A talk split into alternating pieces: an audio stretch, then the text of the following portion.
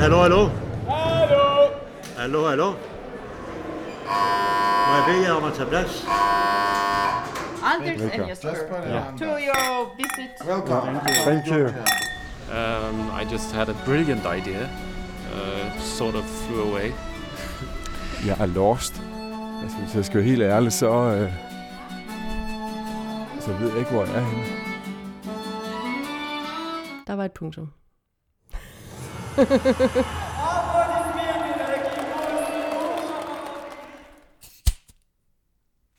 Det var en lille kavalkade over nogle af de over 100 indslag, vi har bragt over de sidste 6 sæsoner og 79 episoder af Intet Nyt fra Vestfronten. Men den sidste lyd, I hørte, og den jeg hører lige nu, øhm, lyden af champagne, der blev hældt op i et glas, den er ikke hentet fra arkivet. Den er helt frisk og autentisk. Den er sker lige nu, as we talk, i studiet i, øh, i Sydhavnen, hvor vi har, har sat os til. Og over den næste time vil optage den sidste episode Intet Nyt fra Vestfronten nogensinde. Og vi, det er som sædvanligt, Anders Kjellum Petersen. og Jesper Gormsen. Anders, hvad er det, vi har hældt op her? Jamen, det er en øh, moldovisk øh, champagne. Det er det jo så ikke. Det er jo museerne vin fra, fra Moldova, fra et sted, der hedder Chateau Varteli. Øh, og det er en bry, og den er fra 2013. Den er faktisk blevet gemt øh, til et helt, helt, helt speciel anledning. Og jeg har længe tænkt på, hvad er den specielle anledning? Og hvis ikke det er podcastens sidste afsnit, så ved jeg ikke, hvad det er. Jeg har fået den af en, af en god veninde, så skal vi skåle på en super god udsendelse. Lad os det.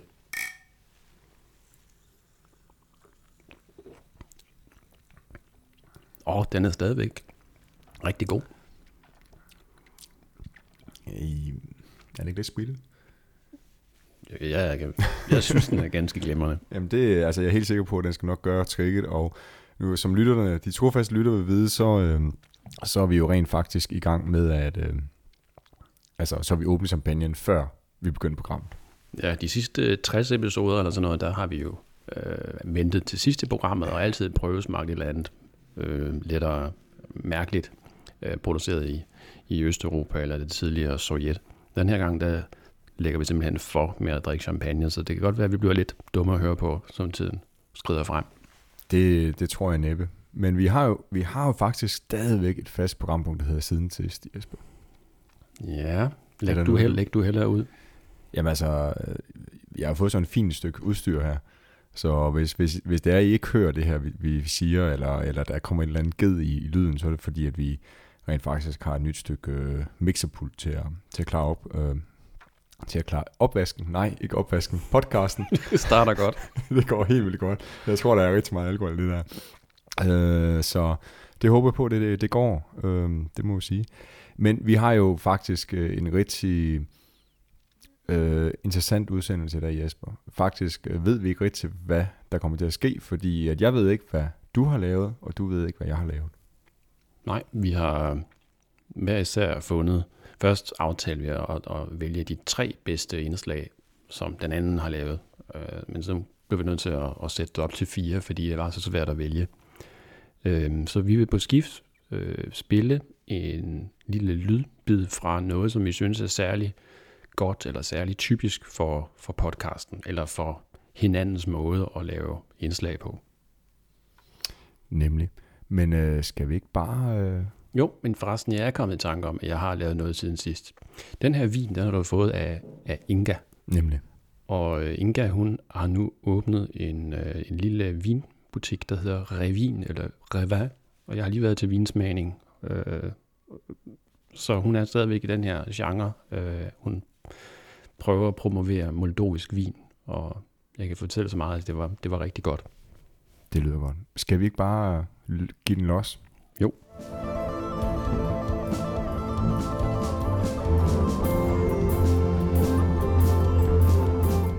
Som nu er lovet i lige før indslaget, så er vi nu i gang med at gennemgå de forskellige indslag, som vi har lavet igennem tiderne, af de rigtig gode indslag, øh, eller indslag, som har haft en eller anden specifik grund til, at vi har valgt dem. Altså det kan være sådan set hvad som helst. Det kan også være noget virkelig arvet, underligt noget, vi har lavet.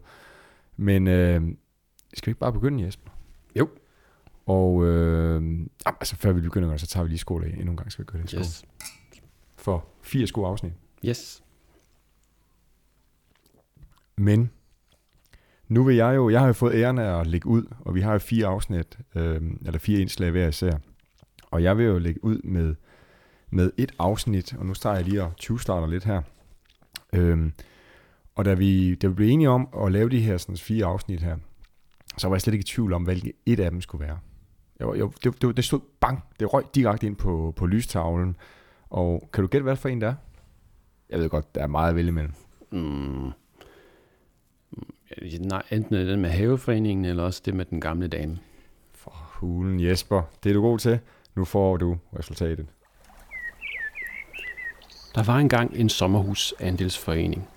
Der var otte andelshavere. Vladimir S., Vladimir P., Vladimir J., Yuri, Viktor, Nikolaj, samt de to brødre Sergej og Andrei.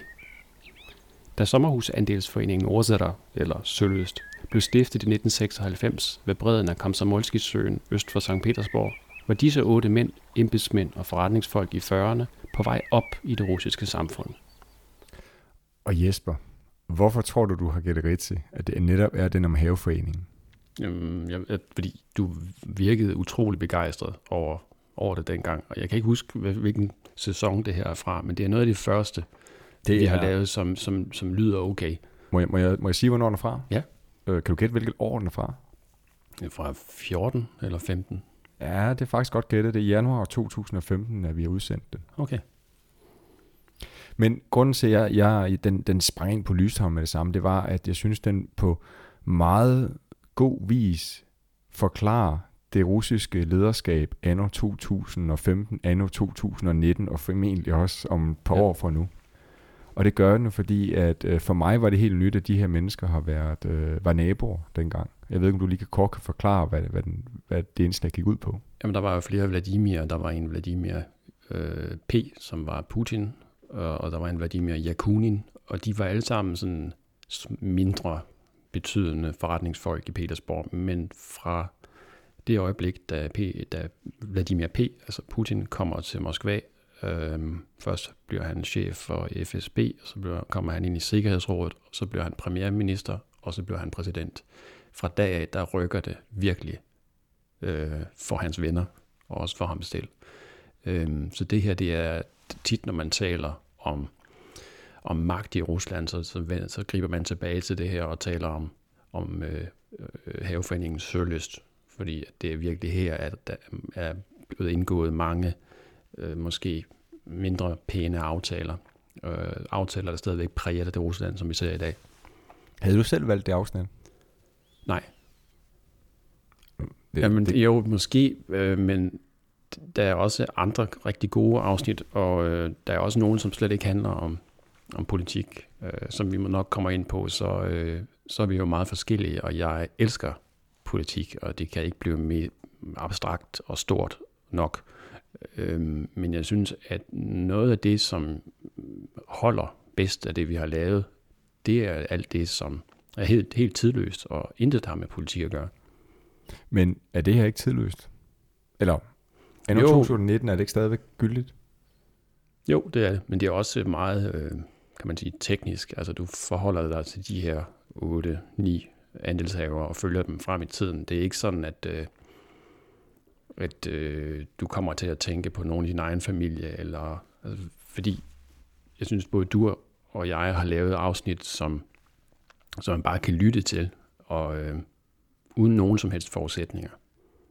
Øh, men ja, altså det, det er da helt klart et, øh, et rigtig godt, øh, synes jeg, meget, det er måske ikke så pænt sagt, når det er mig, der har lavet det. Det er rigtig godt, men jeg synes ikke, det kommer ind på top 4. Nej. Jeg vil sige en anden ting, øh, som, som gjorde mig glad dengang, og stadigvæk gør det, det er jo øh, den, øh, de lydeffekter, du har med, med, med den her sådan dejlige, havelige, sommerlige stemning, og man tror, alt er så idyllisk, og så lige pludselig bang, så kommer vi til at tale om nogle af de mest korrupte mennesker i, i Rusland. Ja, det er rigtigt. Der er den der øh, kontrast i den, det er rigtigt. Skal vi ikke uh, give uh, stafetten videre til dig? Jo, men uh, må jeg høre? Skal jeg bare sætte den i gang, din? Ja. Okay. Det er en rejseberetning fra Novorossisk. Det er slutningen af marts 2013. Jeg har været her et par dage. Det er en dejlig by. Vejret har været godt i dag. Det har været 10 grader varmt. Men de seneste par dage har det ligget lidt over frysepunktet. Det er koldt for denne årstid. De lokale siger, at der vil normalvis være 15 grader udenfor. 15-20 grader på denne tid af året. De synes, det er koldt. Ja, det var der, du var i afsnit 3. Det var der, vi var øh, rent, øh, hvad kan man sige, teknisk og fortælleteknisk. og det er, det er jo ret tidligt det her. Det må være altså, en måned eller nogle uger efter, at vi har begyndt, at du har optaget det her på en eller anden forretningsrejse. Og jeg kan huske, at jeg har drillet dig meget med, at du lyder lidt som øh, Jørgen Let. Men øh, synes, at du har efterhånden har du, har du fundet din egen stil, og du har altid været den, hvad man sige, den, den kreativt drivende kraft i, øh, i podcasten. Uh, er der da. Ja, ja, ja. Altså, øh, det er, det er så kreativt, så jeg, så vidt jeg husker, blev det optaget på mobiltelefon. Ja, ja. Men øh, jeg synes bare, det er sket at, at tænke tilbage på, hvordan det startede. Altså, det første år, der har vi jo en mikrofon, der står mellem os. Og eftersom din stemme er mere kraftig end min, så har, har mikrofonen stået 5 cm fra min mund og, og, og 40 cm fra din mund, og det giver lyden sådan et underligt, øh, hvad hedder det, badeværs, badeværelsesagtigt Ja, det var, klang. det var alt for meget eko dengang. Ja. Øhm, så det synes det er skægt, at øh, altså, hvor langt vi er, vi er kommet, men, men øh, synes bare, at øh, det er ret øh, tydeligt, at det bare har været dig, der har drevet. Det var din idé med studieturene. Det er dig, der har slæbt mig i en lille bitte elbil øh, hen over en utrolig masse grænser, øh, både mellem Litauen og Rusland og mellem Rusland og Polen, og du har også øh, trukket mig ud til grænsen mellem Kina og Kazakhstan, hvilket er noget af det mest underlige, jeg nogensinde har og, oplevet. Og det var ikke med din gode vilje. Det var det ikke, men det ser jeg tilbage sidste. på med, med, med, med et kæmpe smil på, på læben, fordi det var skidesket. Og jeg vil lige tilføje, at, at du blev rent faktisk smidt ud af Kina.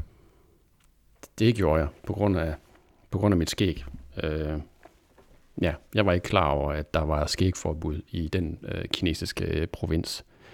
Øh, men jeg, jeg vil faktisk lige fortsætte lidt, fordi det er rigtig svært at, øh, at klippe sig frem øh, til at finde sådan et lydklip, fordi øh, der ligesom illustrerer det. Øh, at, at du altid har holdt fast i det i øh, din begejstring, og nogle gange så er du meget teknisk i din begejstring. Og vi, vi har ved Gud hørt meget om busser og flytyper og øh, flyruter, men når man lytter til det øh, sådan her med efter fem år, efter seks år, efter fire år, så er der jo nogle ting, som du har haft helt, helt ret i. For eksempel har du hele tiden været meget skeptisk omkring øh, Sukhoi, den der Sukhoi Superjet, som jo rent faktisk i dag er meget problematisk. Det er Ruslands flyindustris hvad hedder det, drømmeeksemplar, men de kan ikke rigtig sælge det mere.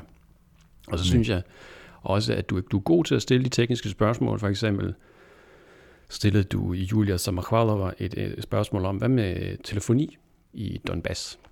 Hvor hun så fortæller, hvad var det, hun fortalte? Man skal have tre SIM-kort. Ja, lidt afhængig af, hvem man skal ringe til. Ja. I hvilket land man Og det er jo, øh, hvad kan man sige, det er jo sagen i en nødskal. Sådan er det at bo i en lille stat, som ingen anerkender. Og det er sådan nogle spørgsmål, som jeg glemmer at stille, som jeg, som jeg synes, at du øh, er god til at huske. Nå, nok om det. Nu vil jeg så dreje det helt til noget andet, og noget mere storslået, og noget, der har været meget sigende for hele den tid, vores podcast har levet i. Og nu spiller jeg afsnittet, eller indslaget, og så tror jeg godt, du kan gætte hvorfor. Кто же, кто вот эти вот злодеи, которые захватили всю власть в России, в Москве? Это какие-то такие миллион, я не знаю, очень могущественные... Hvem er de ondskabsfulde mennesker, der har taget magten i Moskva? Er det en million? Nej, det er 200 familier. Folk, som af en eller anden grund endte med at sidde i vigtige stillinger. Og det er jo ikke fordi, de har maskinkanoner rettet mod os. De udnytter, at vi er passive.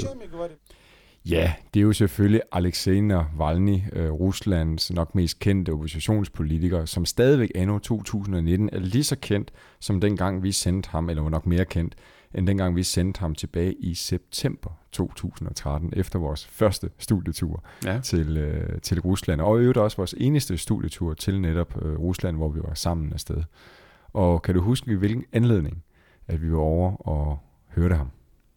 Mm, nej, det var, det var borgmestervalg, men det var vel ikke derfor, vi var i... Nej. Jo, det, jeg ved ikke, om det var derfor, vi var derovre, men, men det var borgmestervalget ja. tilbage, og nu er det jo faktisk apropos, ja. nu har det jo lige været valg til, er det teknisk set? Det er til det der, man kalder det byrådet, men Moskva har jo status af delstat, så det er sådan en regionalregering i Moskva, der lige har været valgt til. Ja. Og øh, der har, altså Navalny er stadigvæk den største oppositionspolitiker, og man kan sige, at han er den eneste. Øh, han har 100 kontorer, over 100 kontorer, han har i, over hele Rusland, øh, i næsten alle delstater, og han, er, han er, har nok et større og et stærkere netværk end selv Kommunistpartiet. Og det gør ham til en yderst øh, besværlig herre for, for Kreml. Øhm, og, også selvom han på grund af en dom ikke kan stille op, til, så er han stadigvæk, øh, man kan ikke rigtig røre ham. Øh, og mange fulgte hans råd til, her til øh, byrådsvalget, eller delstatsvalget i, øh, i Moskva, og stemme klogt. Det vil sige stemme på den kandidat, der havde den største chance for at vinde over øh, Kremls kandidat. Og det lykkedes faktisk. Det kan godt være, at der kom 25 ind fra, fra Kremls parti, og kun 20 øh, fra, øh, hvad kan man sige, den systemiske opposition, det vil sige kommunisterne, liberaldemokraterne og dem fra retfærdig Rusland. Men øh, faktisk så fik de lige lidt mere. De fik 40.000 flere stemmer. Så reelt så vandt oppositionen takket være sandsynligvis Navalny's øh, opfordring til at stemme klogt. Men hvis vi lige spoler tilbage til 2013, og det var to, sommeren 2013, øhm, jeg var meget imponeret over den ihærdighed, der blev lagt for døren for, for dig på at, at finde ud af, hvor Navalny var hen, fordi at han ville undgå journalister. Ja. Og det var ikke lige frem, det var ikke lige frem, det, altså, det passede jo ikke ind i vores kalender. Altså, vi ville jo gerne møde ham. Øh, det var, så det var super frustrerende, fordi at øh, vi, vi, løb, vi løb rundt i Moskva for at finde ud af, hvor han ville optræde. Og da vi så kommer hjem til hotellet, så viser det sig, at han har optrådt lige uden for det hotel, hvor du boede. No. Øh, så var det så først, øh, altså jeg var nede og tale for min syge moster, og, og kom med en meget lang forklaring for øh, inde, på i hovedkvarteret, før der var en, der sådan gav mig sådan en lille seddel, hvor der stod, hvor han ville optræde dagen efter, hvor vi så var ude og, og optog hans øh, optræden.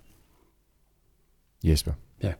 Stafetten den havner hos dig igen. Yes. Radiation monitors in Sweden and Finland this morning are showing unusually high readings, in places three times normal levels.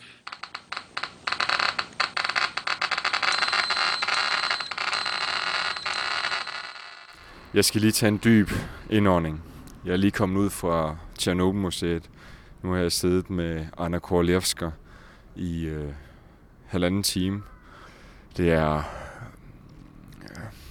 Ja, det er en lang lidelseshistorie. Øhm, Anna Korlevska øhm, har ligesom drivkraften bag det her museum. Det her, det er fra det andet år, vi laver podcast. Øhm, det er fra afsnit 27, der hedder Fy Fy Skamme. Og jeg kan huske, da vi fik klippet det her færdigt, så tænkte jeg, wow, der er, var virkelig, og der kan man jo også høre, der er virkelig sket noget i forhold til afsnit 3. Altså, nu kan vi faktisk, vi har bedre optageudstyr, vi kan klippe, øhm, og du kommer med den her meget følelsesladede indledning, som ligesom trækker lytteren med ind i, øh, i fortællingen. Og, øh, og så er det jo, det er jo verdenshistorie. Jeg, jeg kan huske, at der, der, nu har der været meget hype omkring HBO-serien Chernobyl her i år. Men øh, jeg, jeg tænker tilbage på det der indslag, og på altså, øh, den måde, du øh, belyste på i det her interview. Så ved jeg godt, at vi lavede det sammen, så vidt jeg husker, fordi det var pænt teknisk, det hun fortalte om, hvad, hvilke slags sand, der var blevet sendt, øh, smidt ned fra hvilken helikopter over reaktorkernen og sådan noget. Men øh, jeg synes virkelig, at det øh, fra dag af, der var jeg virkelig øh, altså endnu mere tændt øh, på at lave, øh, og, og, og, og vi har jo nok også presset hinanden lidt øh, til at lave noget, der, der lyder godt, og som er spændende og, og medrivende. Så øh, og jeg vil sige, at, at det er nok også en af de ting, jeg er mest glad for at lave. Det var faktisk det inter, interview med en. Øhm, og som jeg kan høre, jeg var, jeg, der var jeg en af de få gange, jeg var helt følelsesmæssigt sådan overrumplet øh, på mange måder, fordi at, at hun kunne blive ved med at fortælle forfærdelige historier fra omkring den ulykke. Altså alt for myndighedernes indblanding til, eller hvordan de reagerede.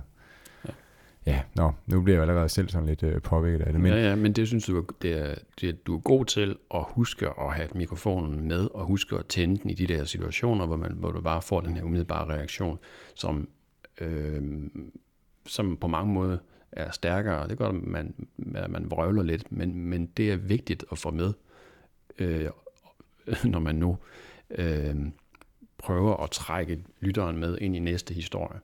Så øh, det synes jeg er et super, super godt afsnit. Og det minder mig om, der var noget, noget du lavede, var det med Jørgen Wernberg, hvor du tog mikrofonen, og så optog du lyden, hvor du åbnede døren og gik op ad trapperne. Ja.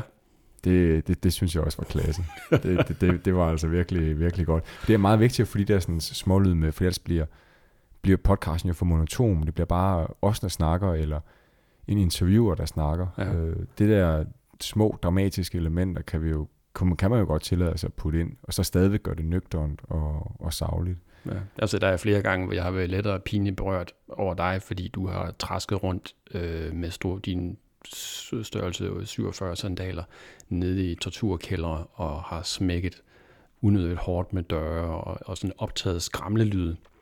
Men når du så har klippet historierne sammen fra vores øh, Baltikumstur, og fra vores fra Karlak, fra, fra, øh, fra Kazakhstan, så er det, man sidder og tænker, åh, oh, hvor var det godt, du gjorde det. Fordi det er desværre en nødvendighed for, ja. for at få noget, få noget god, øh, god lyd. En anden ting ved det her interview, det var, at der fik vi faktisk også taget billede til vores udstillings, øh, hvad skal vi sige, øh, galionsfigur billede, øh, det, altså forsidebilledet, vi brugte, det var også fra Tjernobyl-museet, og netop hende, øh, jeg kan ikke huske, Hun hedder Karalevska. Karalevska. Anna Karalevska. Anna Karalevska. Anna, ja. ja. Kan du huske billedet? Ja. Hende står på siden af en engel, og en mand i en uh, indsatsuniform til uh, at bekæmpe atomkatastrofer. Det ja. må nok være sådan. Det. Meget stærkt ja. billede. No. Nå, det er vist, uh, det er vist mig, der skal, er din tur nu. der skal fortsætte. Nu skal jeg lige tænke mig om. Uh, yes. Jamen, jeg tror bare, vi begynder direkte så. Ja. Jeg er kommet for at høre om hendes liv, men den gamle kone synes, det er meget mere spændende at tale om historie og politik. Hun gestikulerer ivrigt og tegner hele tiden kort og figurer og tidslinjer på vokstuen på bordet, hvilket senere viser sig at gå direkte i mikrofonen. Jeg blev ikke færdig med at fortælle min onkel. Han blev fængslet i 48 og slået ihjel der i fængslet. Han havde skrevet det poem, og for dette poem blev han sat i fængsel. Он написал поэму, и за эту поэму его посадили. Det er et interview, som du har lavet, Jesper, med Ksenia Vistcheva. Jeg tror ikke, jeg udtaler det helt korrekt, men lad nu ligge. Fra, som blev bragt i september 2014, og månederne for inden eller, eller efter, fordi det blev faktisk delt op. Det var så godt, at det blev delt op i tre afsnit, der, der blev sendt, og det blev kaldt øjenvidne til et århundrede. Ja. Og altså, hvis jeg skulle vælge nogle af de interviews, som, som du har lavet, så var det her en helt klart must have, fordi at det er, det er intet mindre end smukt. Øh, historien er jo, det er jo, en, det er jo en fortælling af en dame, som jeg tror på daværende tidspunkt er 87 år gammel. Ja. Og som har gennemlevet så meget, har oplevet 2. verdenskrig på tætteste hånd, øh, og nærmest ikke turde gå i metroen, på grund af den, hun har været, øh, altså været dernede under bombardementerne, så hun været i metroen for at beskytte sig selv mod, mod bombardementerne. Men det er en utrolig stærk historie, utrolig interessant historie, og den har også en politisk vinkel, jo, som du heller ikke lægger fingrene mellem at sige, at, at hun vil meget hellere tale om politik, end hun egentlig vil tale om hendes eget liv. Og så synes jeg, at oversættelsen er jo, er jo smuk. Altså, den er jo, det, er jo, det er jo smukt oversat, Øh, og det er egentlig de ting, som, som du er rigtig, rigtig god til. Øh, hvor jeg ved, at der, der, der mangler jeg sådan lidt øh, det der med at oversætte fra russisk til, til dansk. Det, det, det er du virkelig god til. Jamen, det, jeg synes, det er skægt at, at få de rigtige øh, ting til at... Og, og, altså når, når det er russisk, ikke, så oversætter vi jo stort set alt, men jeg lader altid lidt, altså 5-6 sekunder, stikke ud gerne med noget, som er genkendeligt, enten et eller andet ord, som giver mening på, på dansk, og hvis ikke, så her med, med suk og med, med latter, øh, fordi hun var helt vidunderlig. Hun er, jeg ved faktisk ikke, om hun lever endnu, men hun var helt øh, vidunderlig at interviewe, og det var i høj grad hende, der styrede det. Øh, så altså, jeg har bare holdt mikrofonen, øh, fordi at jeg vidste, at hun var en meget, meget spændende person, og jeg ville øh, skynde mig at interviewe hende, mens hun stadigvæk kunne fortælle de her øh, fantastiske historier. Og det er jo netop en vigtig interviewteknik. Det er, at det er jo dem, der skal fortælle. Ja. Og, og de, heller, hellere de fortæller lidt for meget end, end lidt for lidt, fordi det kan jo være, at guldkorn er det i det spørgsmål, man aldrig stillede. Ja. Jamen, øh, må jeg få Maestro, det næste? Yes, sir. Åh, oh, sibirske pelmeni.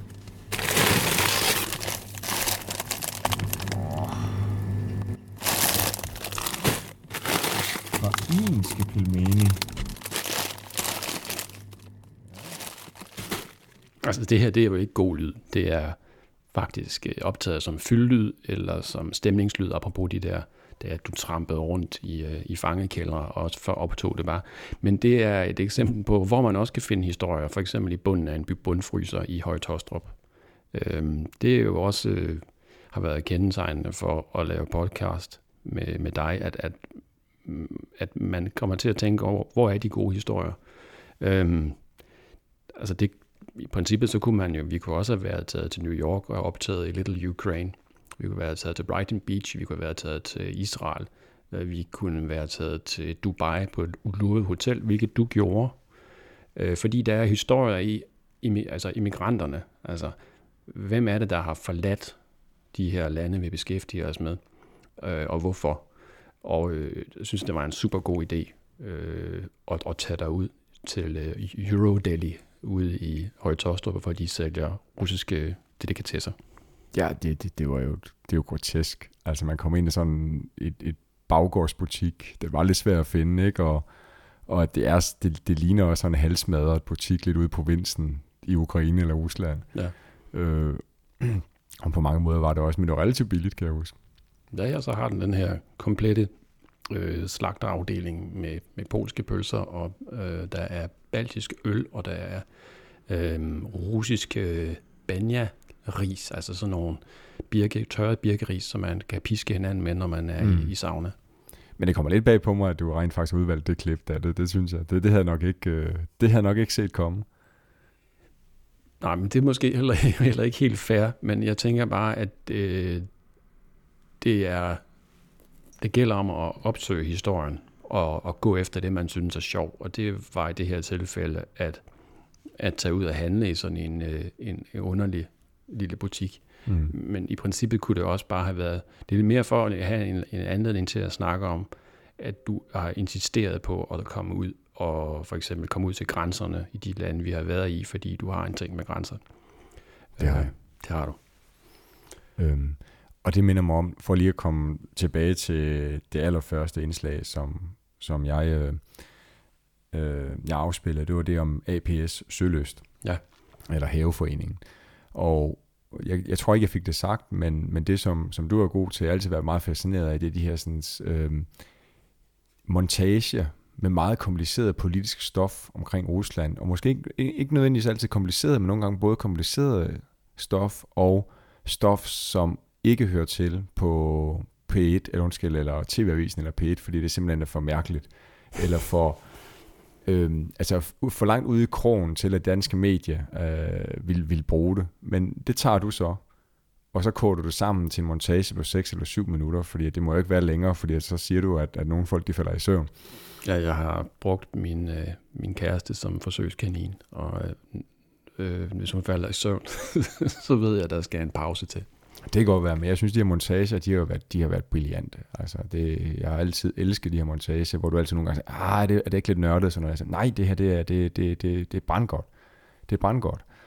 Og altså, det vil jeg sige, det har ikke været min force øh, at lave de her sådan, meget komplicerede montager. Det er også fordi, at jeg selvfølgelig ikke har øh, lyttet til Eko Moskva øh, tre timer om dagen, øh, hvor jeg måske har fokuseret på nogle andre ting. Øh, det der, jeg, jeg er nok mere typen, som, som er nede på jorden og ser ud af mine egne øjne og ser, hvad, hvad, hvad der sker omkring mig, og så danner min eget verdensbillede, om det er så rigtigt eller korrekt det, eller forkert, det må, det må folket så, øh, så tage.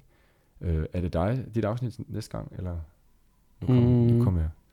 Det kan jeg Nå, nej, det var, vi var nede i dybfryseren. Lad os komme kom ud ja. af dybfryseren, ja. og så, øh, så spiller jeg et, et, et indslag Øh, og det er faktisk for en af vores, øh, vores reportageture. Og kan du gætte, hvad det er for et? Uh, det, det er et interview. Uh, nej. Nej, vi tager den. Весь музей построен из мусора. Som I nok har lagt mærke til, så er hele museet her bygget op af affald. Vi bestræber os på, at det skal være spændende. Det vi helst vil opnå hos de besøgende, hos børnene, er, at de vågner. Og nu til en infernalsk larm, der løfter et øh, kæmpe vragstykke op af, af gulvet her. Og man kan forestille sig alle de tæsk, det har fået på vej ned igennem atmosfæren, og da det landede.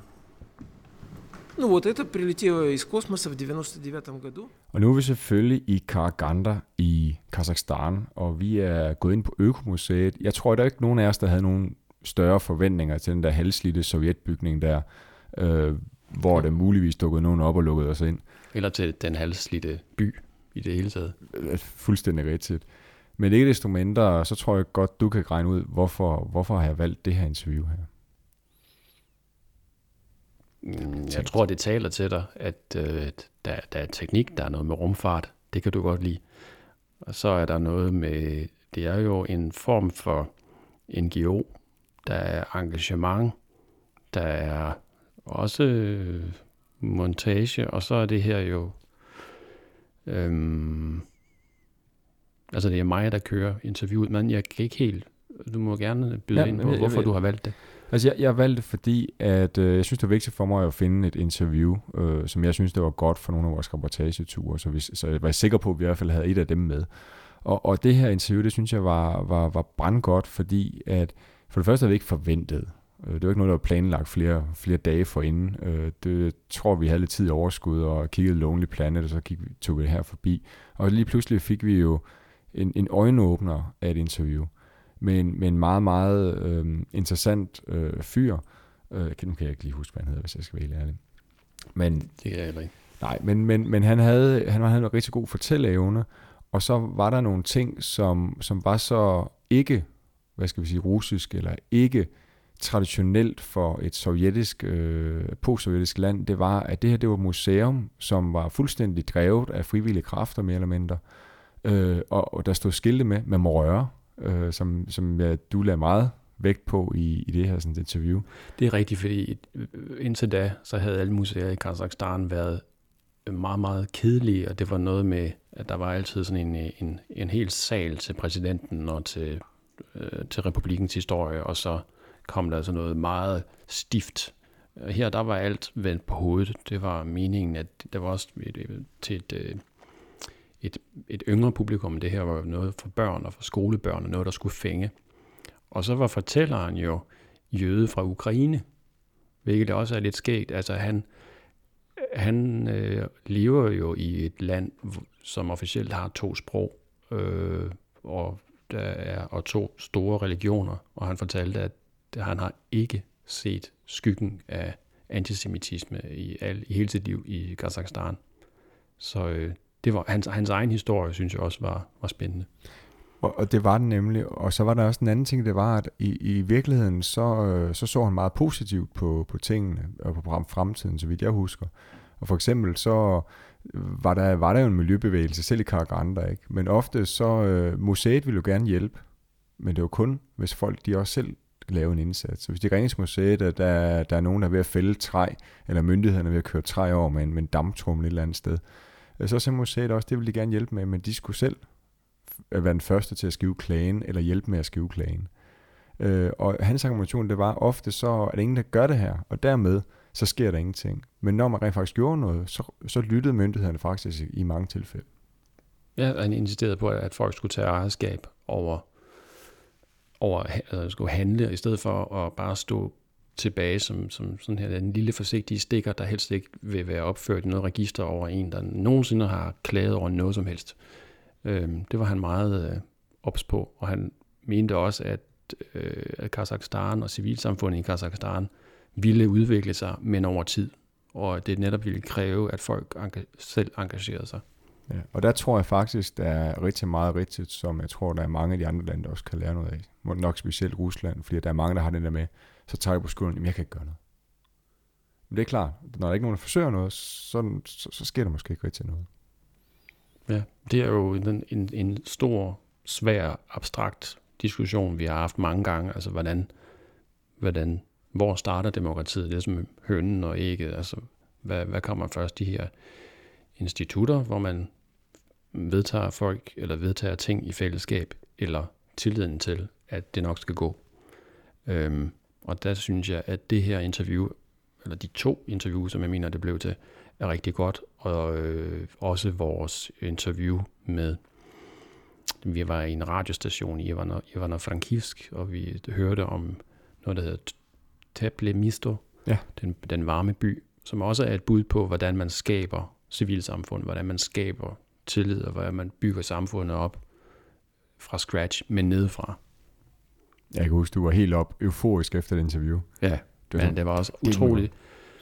Jeg tror også, vi havde, øh, vi havde hjælp øh, af en af dine veninder øh, til vores øh, 6 års jubilæum, som ligesom for at, at ja. sætte ord på den her tillids. Øh, og længe så ville jeg gerne have haft det klip med, fordi øh, at hun snakker nemlig om øh, sådan et skægt eksempel på, at i Ukraine så hersker der tillid.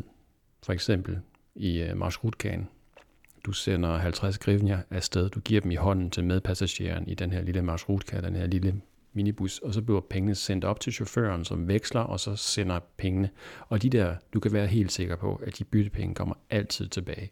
Så inden, inden for maršrutkagen, i det her mikrokosmos, der er der en tillid og en ordentlighed, som vi slet ikke kan forestille os i Danmark. Men i det øjeblik, du træder ud på gaden, så er det som om, at folk de lever lidt deres eget liv igen. Øhm, så det var, tak for det. Det var et godt, et godt øh, valg af, af klip, synes jeg. Øh, hvad pokker var det, han hed? Men du har jo et klip til over stadigvæk. Ja. Skal jeg starte det? Yes. Dette er første del af en, synes jeg selv, utrolig fascinerende historie på i alt tre dele om, hvordan en dansk virksomhed starter kontor i det østlige og senere krigshavet Ukraine. Men det er også historien om at omringe Ukraines præsident med Facebook-annoncer.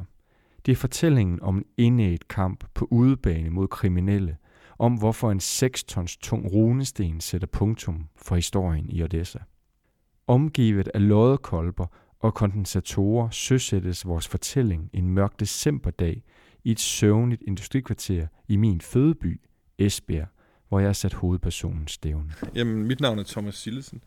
Jeg er bestyrelsesformand for et ingeniørfirma, det her Bier. Det her, det stammer fra afsnit 75, som hedder Isbrydere og hævesænkebord. Og det synes jeg er sjovt at sammenligne med, med mit første klip fra episode 3, for at se, hvor langt vi er kommet, hvor langt du er kommet, øh, fordi Thomas Sillesen er en fantastisk fortæller, og det han har været udsat for, er også utrolig spændende. Øh, men i den her indledning, der, prøv, der får du simpelthen bygget skubbet forventningerne helt op til, hvor de bør være. Øh, også fordi Thomas Sillesen, han, man skal lige give ham lidt tid, man skal give ham nogle, nogle øjeblikke, øh, fordi man godt kan stå af på hans, øh, altså han, han, han virker lidt for kæphøj. Så han skal lige ind i sin fortælling, før man selv virkelig bliver grebet af hans fortælling. Så derfor synes jeg, at, at det er super vigtigt og super godt og helt en rigtig, rigtig, rigtig god indledning, du giver det her, øh, den her lille trilogi, eller det blev faktisk fire afsnit øh, om øh, Thomas Sillesen og Biers indtog øh, i Ukraine. Og det er også en, hvad kan man sige, det er en, en historie, der har været fremme i medierne, men, men der har det sådan været sådan lidt kuriosum. Det er en skør mand, der laver en, øh, en, øh, en runesten, sætter en runesten op i Odessa. Men den handler jo om noget meget større. Den handler om firmaets kamp for, at, at Ukraine skal overholde ejendomsretten. Det er jo sådan en, hvad kan man sige, en lille sag for firmaet, men det, det siger jo vildt meget om, om Ukraine. Og også det faktum, at det her skide danske firma så også øh, har fået en, øh, en præmie flere år i træk for at være den bedste skatteyder i Ukraine. Det er jo også øh, ting, som øh, hvad kan man sige, det er en rigtig god øh, historie til at komme ind på alle de der store, store emner, som, øh, som, det, øh, altså, som vi måske har sådan langt inde bagved øh, i, i, i vores tanker. Jeg kan huske, øh, nu ved jeg ikke, om hvad dit sidste klip er, men vi har jo engang været i P1, hvor Susanne Sommer på øh, 20 minutter klippede i vores, på det tidspunkt, hvor, hvor vi lavede der 40-50 episoder. Og det skægge var, at jeg bagefter tænkte, gud, det er jo det, vi vil med vores podcast, fordi, og det kunne hun klippe sig frem til. Øh, og det er jo netop de her store ting øh, om civilisation og demokrati, og, og hvad man skal kende sine, sine naboer og sådan noget. Øh, og det synes jeg, at vi kan selv nu. Jeg synes ikke, Susanne Sommer længere er helt øh, overjordisk dygtig. Øh, eller det er hun. Men, meget øh, dygtig. Hun er, hun er stadigvæk meget, meget dygtig. Men på en god dag, så kan vi godt øh, komme tæt på. Og det synes jeg er, er skideskægt, at, at vi har, er kommet så langt med, en, øh, med et håndværk. Jeg ved ikke, om det er en kunstform, men i hvert fald et håndværk, som, som vi ikke rigtig har, har vidst noget om på forhånd. Jeg kan huske, at jeg, da vi havde lavet podcast i to-tre år, så var jeg til sådan en podcast, øh, hvad kan man sige, workshop sammen med Ole. Ole Fugl? Ja.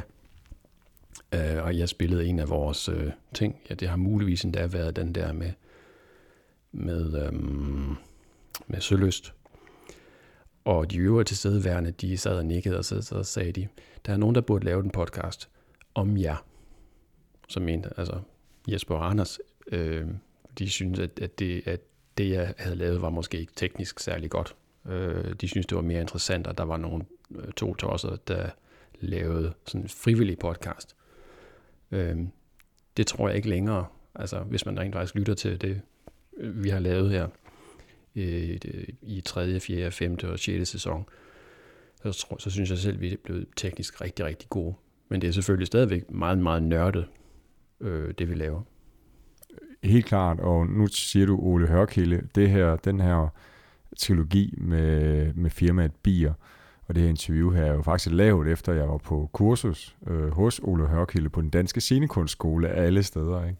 Ja. Og, og det gav mig sådan et, et dramatisk kick, kan man sige, øh, hvor, at, hvor der var to ting, jeg godt kunne tænke mig. Øh, den ene ting, det var at, at give, det, give, give de her historier, som kan bære det, lidt mere dramatik. Og der var Thomas Sillesen, som fortæller fuldstændig ideel. Øh, ingen tvivl om det. Og, og historien også i sig selv. Og så en anden ting, det var, at, at, at en ting, der er vigtig i podcast-genren, og det gik op for mig, øh, det, jeg tror, det tidspunkt, hvor det gik mest op for mig, det var en, en DR-udsendelse, radioudsendelse eller podcast i fire dele, omkring et eller andet øh, bombe, der sprang hos en, øh, en, øh, en eller anden, øh, nogle kommunister eller nogle, nogle venstreorienterede mennesker i starten af 90'erne. Jeg kan ikke huske det, men, men det, der var meget interessant ved det, var, at øh, fortælleren, altså in, øh, intervieweren og, og verden i programmet, var meget personlig. Gik meget personligt ind og fortalte hendes egen historie, og hvad hun tænkte dengang det skete, øh, fordi hun også havde nogle, vist nogle venner eller noget. Og, og, og det gav mig det der ting, at altså, hvis vi gør historien mere personlig, så er folk meget mere interesserede i at lytte. Og det, det giver jo mening, fordi lige pludselig, det, det er jo, så, så er man helt inde, helt inde i skattekisten, ikke? Øh, når man giver, giver noget af sig selv, eller øh, giver et eller andet af sig selv. Og det var derfor, jeg synes, det var vigtigt det der med at få, få ind i, i det her, at jeg sidder i Esbjerg, som i øvrigt er min fødeby, ikke? Øh, og jeg sidder et eller andet skummelt sted lidt uden, uden for, for centrum, eller en del uden for centrum, på grænsen til, til havnen, han har sagt. Og, og, og det gør nemlig, at vi trækker, trækker de her sådan, uh, mennesker ind i, i udsendelsen. Nå, Jesper, vi kan blive ved med at tale om alle de her ting her, ikke? Øh, vi, altså, vi har næsten lavet 80 timer. Øh, det vil vi have gjort, når vi er færdige med den her i hvert fald. Mere eller mindre, ja. Nu er der jo tonsvis af andre ting. Kunne du nævne nogle andre ting, du også gerne ville have taget med, men det har vi ikke taget med, fordi det var der ikke bare ikke tid til? Altså, øh, jeg synes rigtig godt om de afsnit, jeg har lavet, som handler om musik. Altså de der tidløse nogen. Altså, udover Tjernobyl, indslaget, som, som du har lavet, og Bier, som du har lavet, så, så kan jeg huske at tilbage på, Altså, jeg bliver så glad, når jeg, når jeg hører, og det kan jeg godt finde på en gang imellem, høre øh, min podcast om, om russiske øh, Grand Prix, om den russiske nationalmelodis historie, om sovjetisk tegnefilm.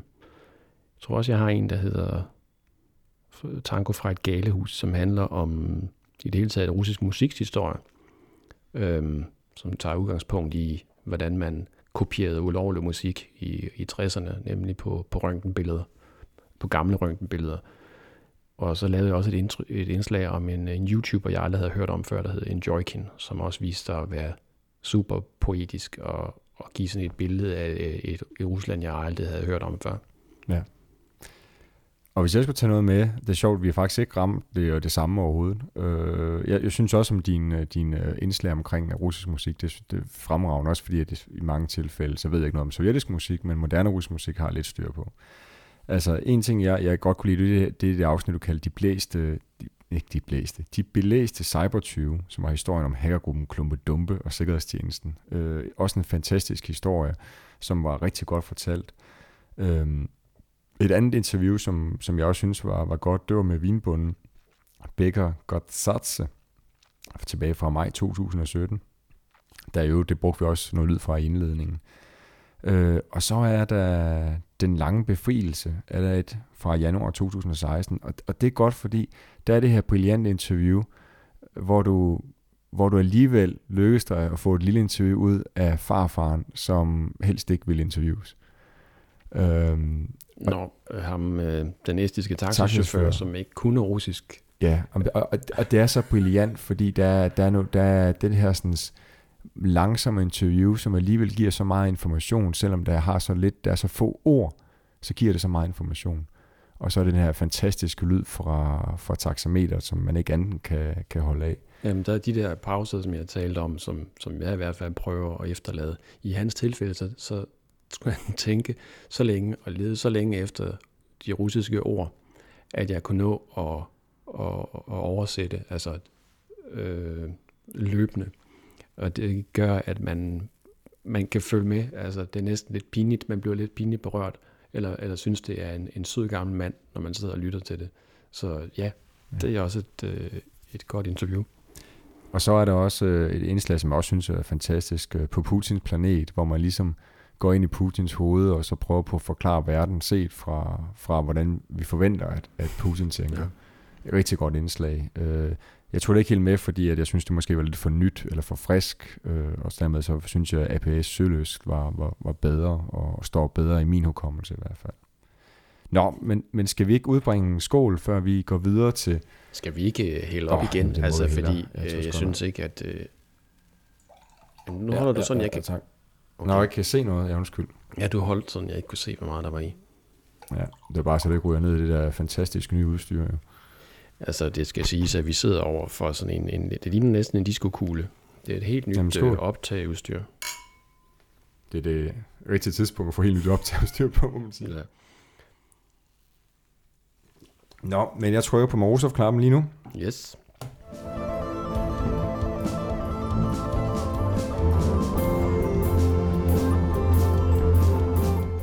Vi har 11 minutter tilbage for altid i Internet for Det var sgu ikke meget. Nej, det var ikke meget. Så vi har været på nogle reportageture, Jesper. Hvad er, den, hvad er den bedste reportagetur, eller hvad er det bedste, du har lavet på nogle af vores reportageture?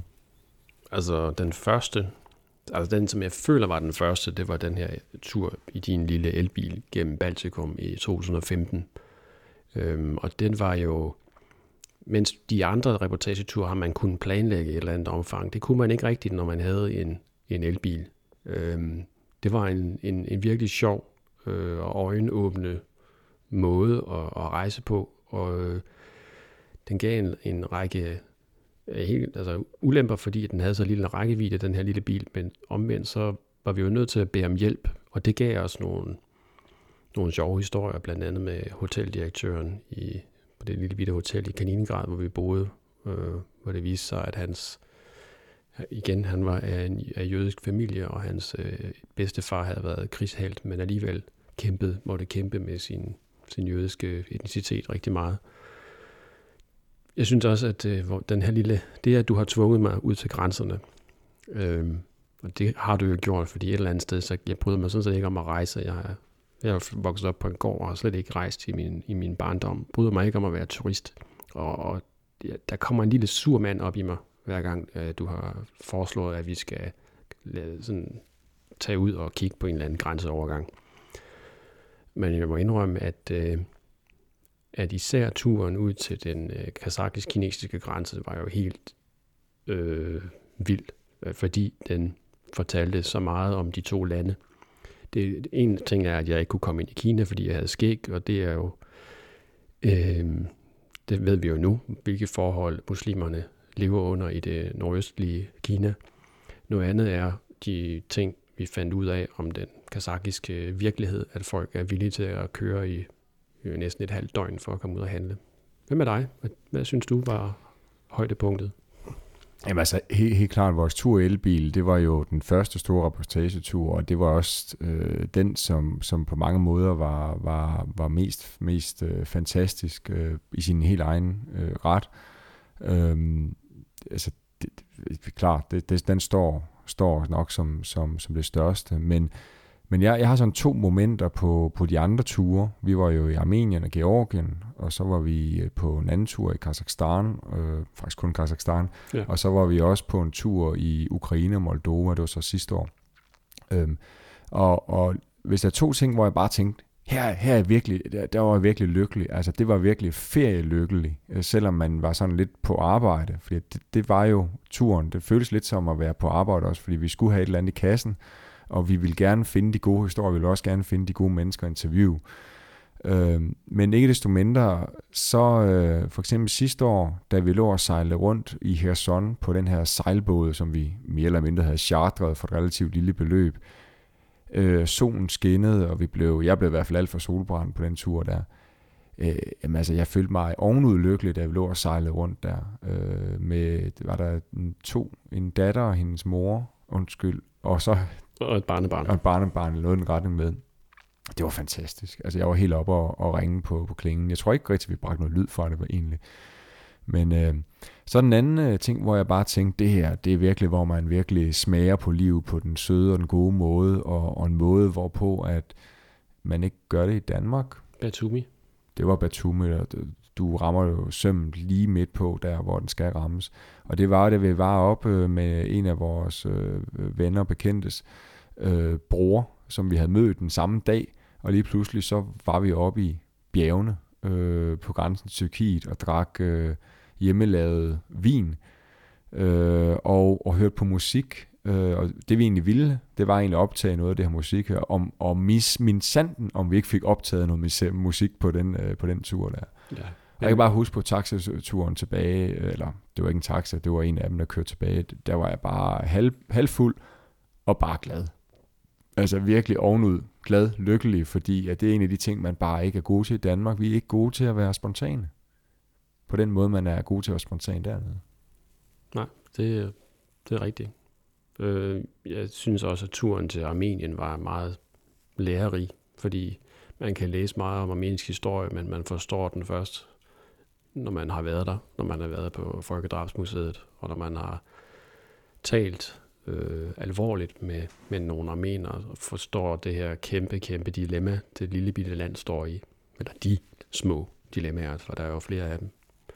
Øh, så ja, jeg synes, at alle vores øh, reportageture har været, været fantastiske på hver deres måde, og jeg synes, og jeg er særlig glad for øh, vores fotoudstilling, selvom det viser sig at være et utroligt stort arbejde, synes også, det var fedt at udstille vores øh, billeder, øh, fordi det er jo det kræver en time at høre en episode indtil nyt fra Vestfronten.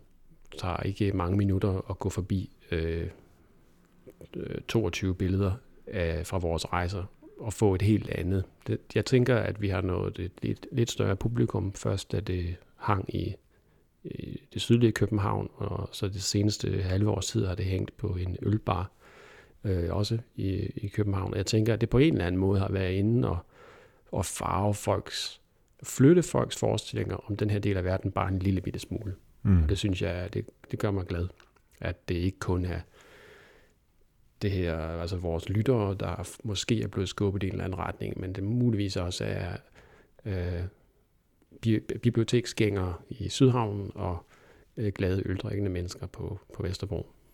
Ja. Jesper, jeg tænker på, nu, nu vi sidder og, og, og samtalen den går så godt, skal vi ikke, skal vi ikke være nogle uartige unger, og så simpelthen lade os gå over den time, som vi egentlig har til rådighed i radioen? Så må radiolytterne, de må simpelthen uh, lytte med, gå ind på vores hjemmeside og hive den sidste udsendelse ned. Jo, lad os det. Der er jo ikke noget, der forhindrer os i at gøre det. Altså, det uh, ja, nu har du, slipper du tøjlerne. altså, jeg, jeg har bemærket, at vi stadig har en halv flaske, halv flaske af Varteli. Øh, Jamen, så må vi jo håbe, at kvaliteten holder. Kvaliteten af, af vinen, eller? Nej, jeg tænker mere på indholdskvaliteten. Ja, det er jeg sikker på, at den gør. Det er jeg ikke et sekund i tvivl om. Men øh, ja, altså, jeg, jeg, jeg har været rigtig glad for vores, for vores øh, reportagetur, og det er nok noget af det, jeg kommer til at savne allermest. Det må jeg sgu ærlig indrømme. Fordi en ting er at være på ferie, bare at ligge på en sandstrand, eller sidde på et hotel et eller andet sted. En anden ting, det er at opleve verden, når man har et andet formål, end bare at lave ingenting. Det, det, det gør ting øh, lidt anderledes. Altså jeg kan huske vores reportageture, men jeg kan sgu da ikke huske mange af de ferier, jeg har været på, fordi de hånden på hjertet har været sådan lidt ligegyldige. Altså, øh, har været et eller andet sted og kigget på en moské i Istanbul. Jeg kan godt huske, at jeg har været der, men, men jeg husker det på en måde så kraftigt som, som, som vores reportagetur. Så det, det kommer jeg sgu til at savne, Jesper. Ja. ja og de her reportageture har jo også, øh, især den første, øh, der havde vi en eller anden vag fornemmelse af, at måske var der en af mine veninder, der ville klippe det sammen og sådan ligesom præsentere os. Video. Altså ja, video. Så vi optog også video, som måske skulle have været solgt som en eller anden koncept. Øh, så en, en, et, en anden reportagetur måske kunne have mundet ud i en eller anden lille bitte tv-serie. Så vi løb rundt med et lille bitte gult vandtæt kamera. Øhm, og det var sgu egentlig meget smart, øh, viste det sig.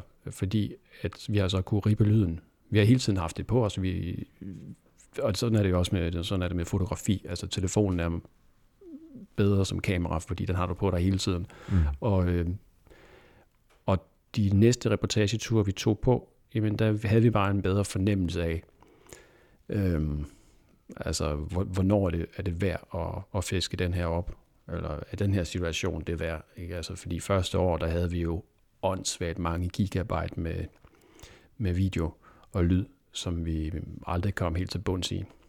Så det har været en, øh, en, en, en læreproces. Noget, som jeg også synes har været rigtig skægt, øhm, det er, at når, vi, når man laver radio, så skal man jo lave, altså det er jo kun lyd, men det fungerer kun, hvis man kan skabe billeder ind i hovedet på folk. Og, øhm, og det kræver også, at du kan læse teksten op, fordi typisk så har vi jo et, et manuskript, når vi i hvert fald, når vi laver vores indslag. Lige nu, der sidder vi og, og snakker frit for leveren. Men når vi laver indslagene, så skal man også kunne udtale det, man har skrevet.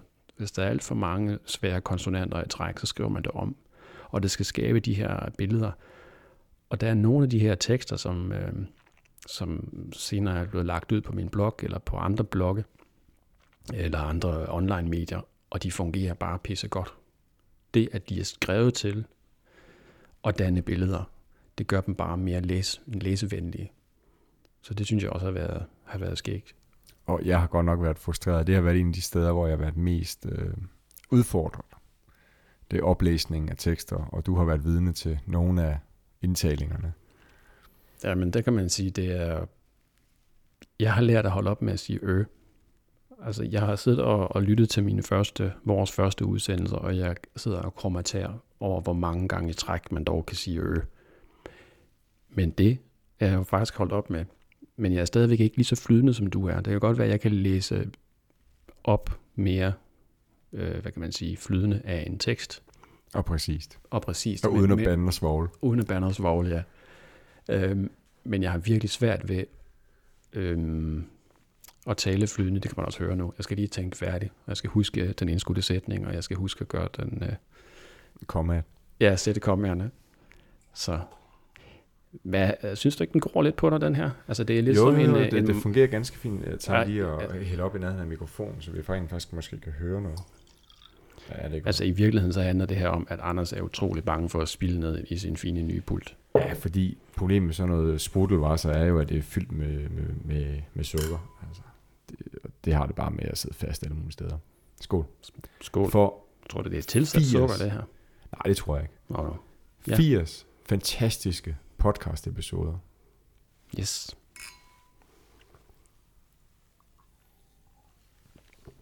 Nå.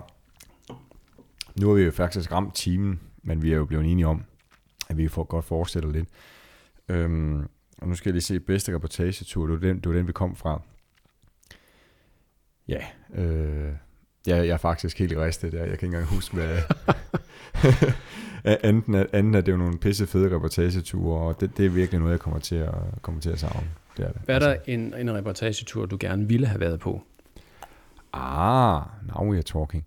Ja, øh, jamen, og jeg ved, at, at, at vi vil nok aldrig have taget på den af, hvad skal vi sige, organisatorisk, tidsmæssige grunde.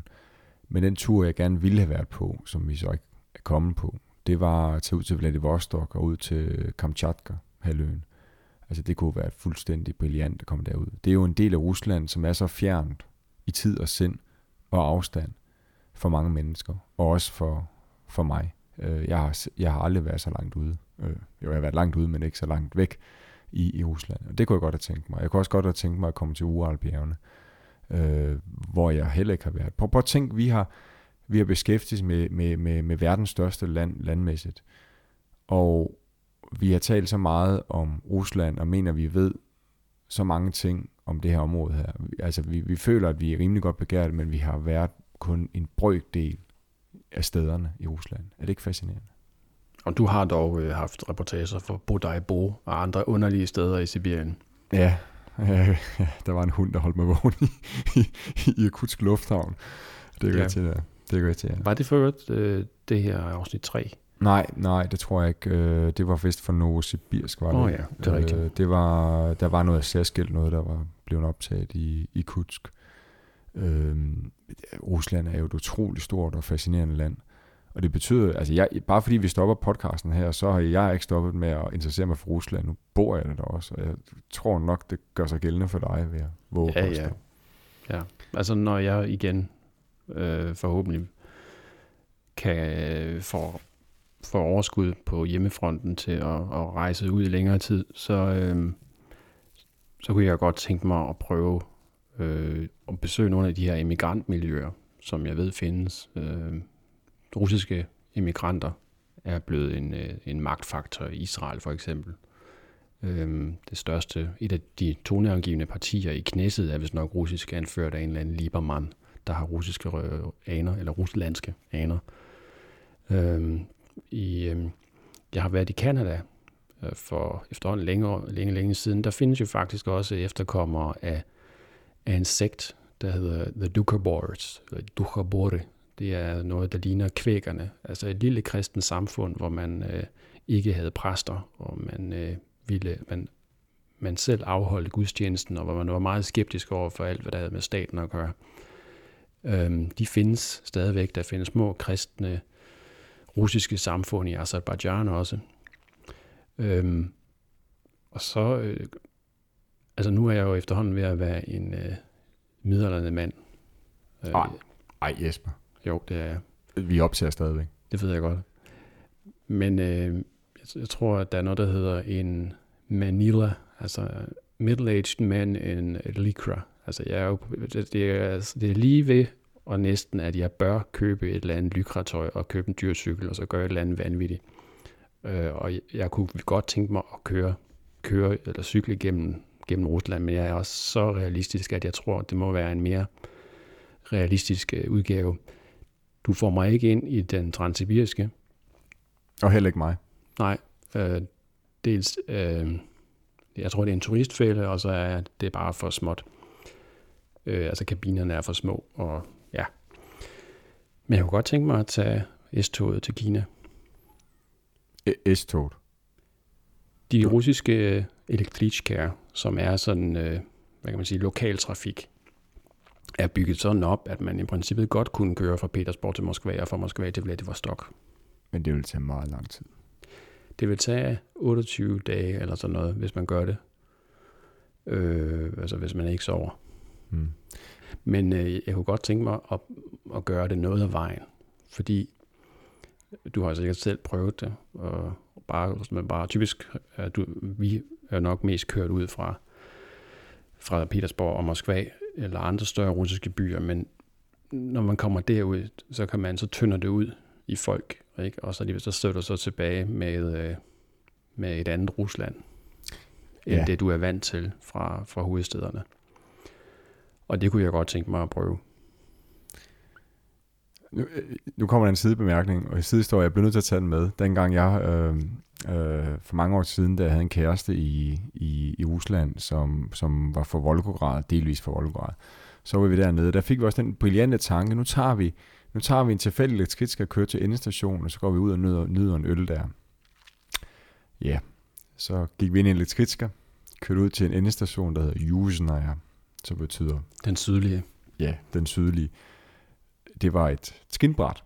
Der var intet andet end store kemiske fabrikker i miles omkreds og 380 grader omkring os. Og den næste elektricitet, der kørte tilbage, det var vist først to timer efter eller sådan noget. Der var ikke nogen steder, man kunne øl. Der var ikke nogen steder, man kunne få en sodavand.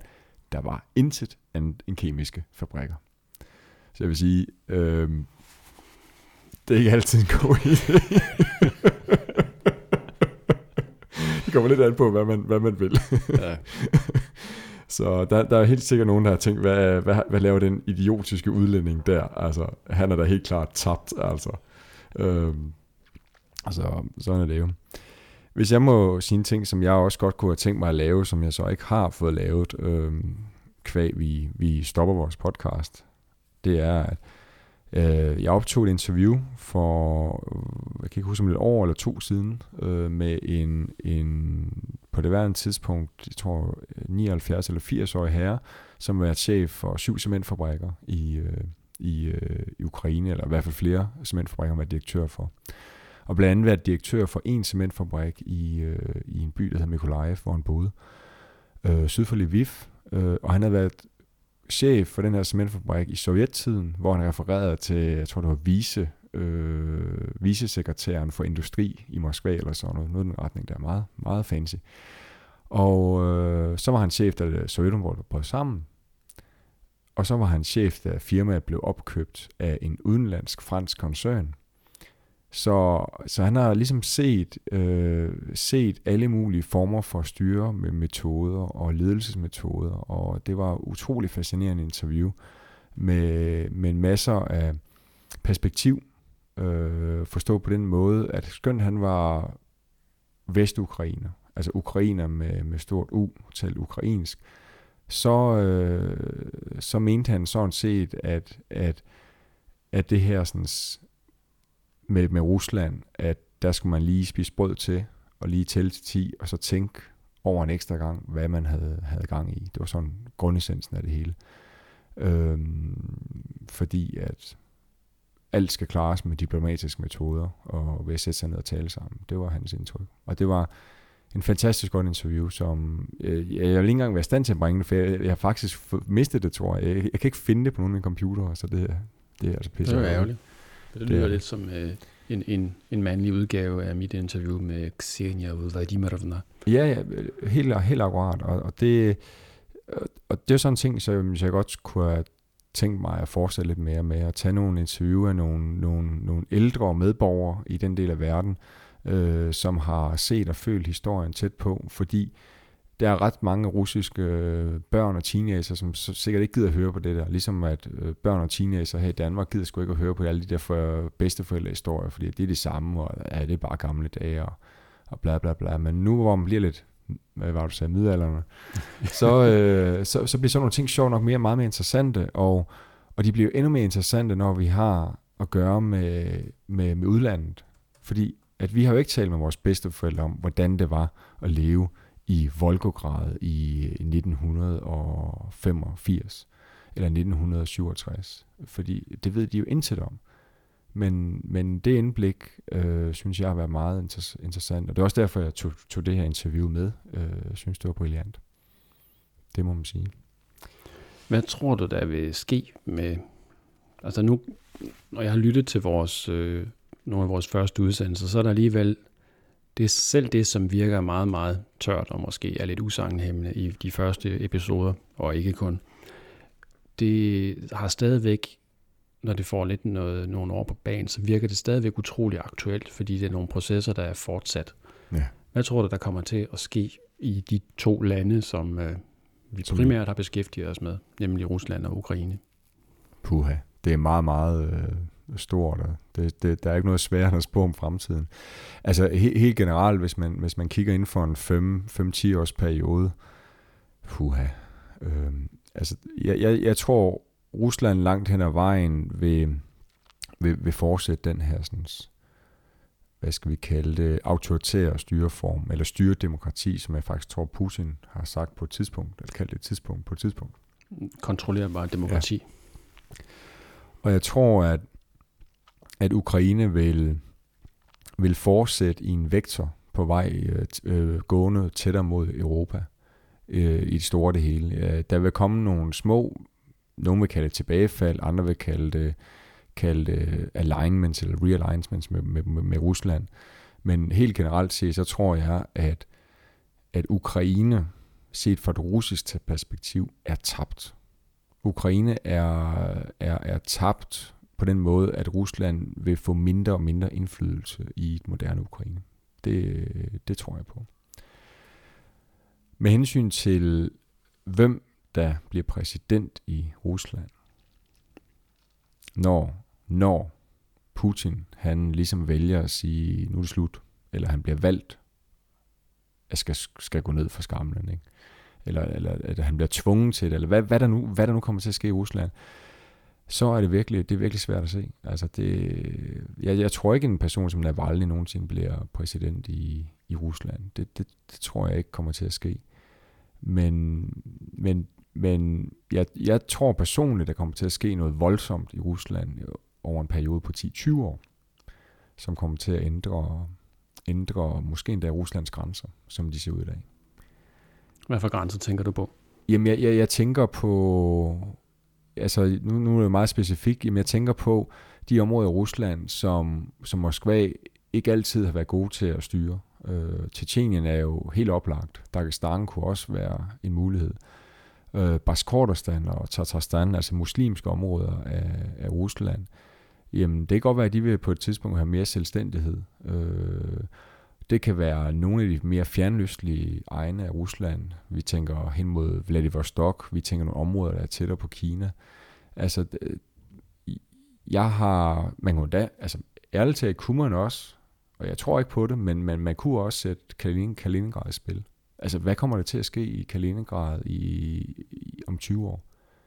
Altså, hvis man forestiller sig, at, at EU har succes med EU's projekt om at at skabe rigdom og prosperity i, øh, i, i Østeuropa, inklusive Baltikum, og vi får et kæmpe skæld mellem, mellem levestandarderne i, i det område, så Kaliningrad. Så kan det være, at der kommer til at ske noget på den konto. Det, det ved man aldrig. Så, men hvad, hvad med dig, Jesper? Hvis man stiller det samme spørgsmål til dig. Mm.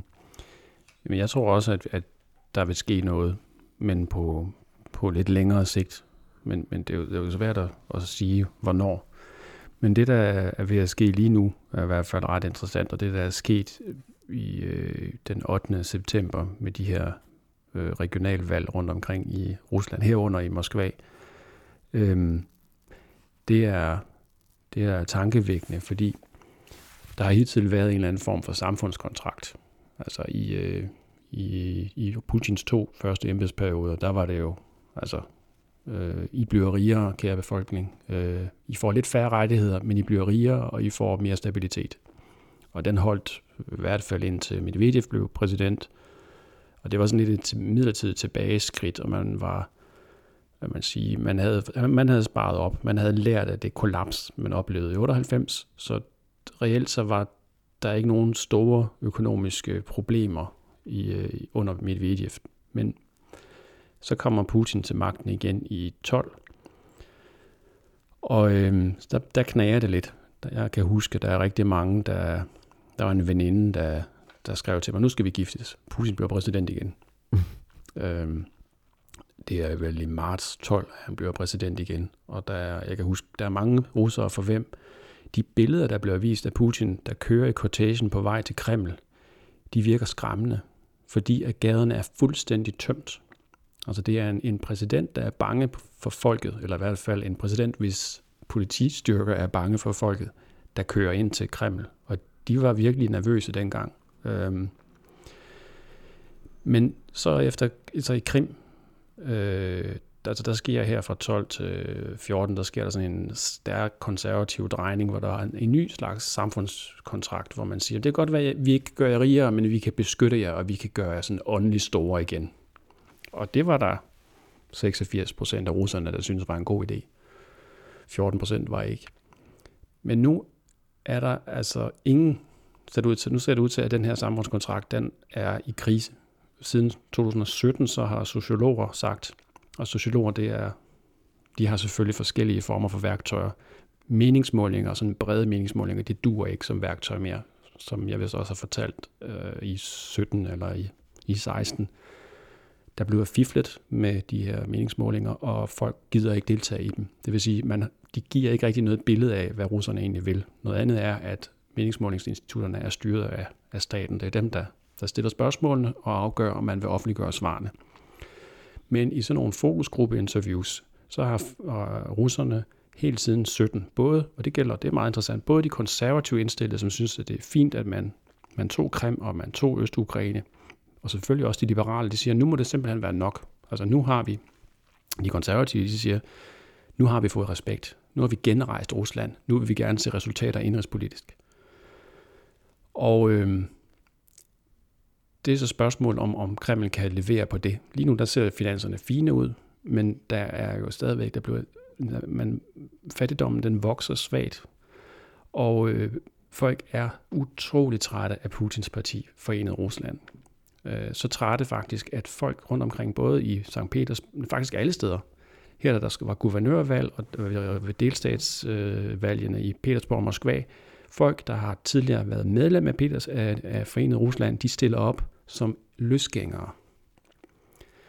Øhm, og det, der er sådan øhm, undersøgelser, der viser, at hvis man, hvis man er medlem af, altså man, hvis man nævner to navne, Jesper og Anders for eksempel, og man så får at vide om Anders, som man ikke kender overhovedet, at Anders, han er medlem, eller har været medlem af Forenet Rusland, så vil din valgtilslutning falde 10 procent.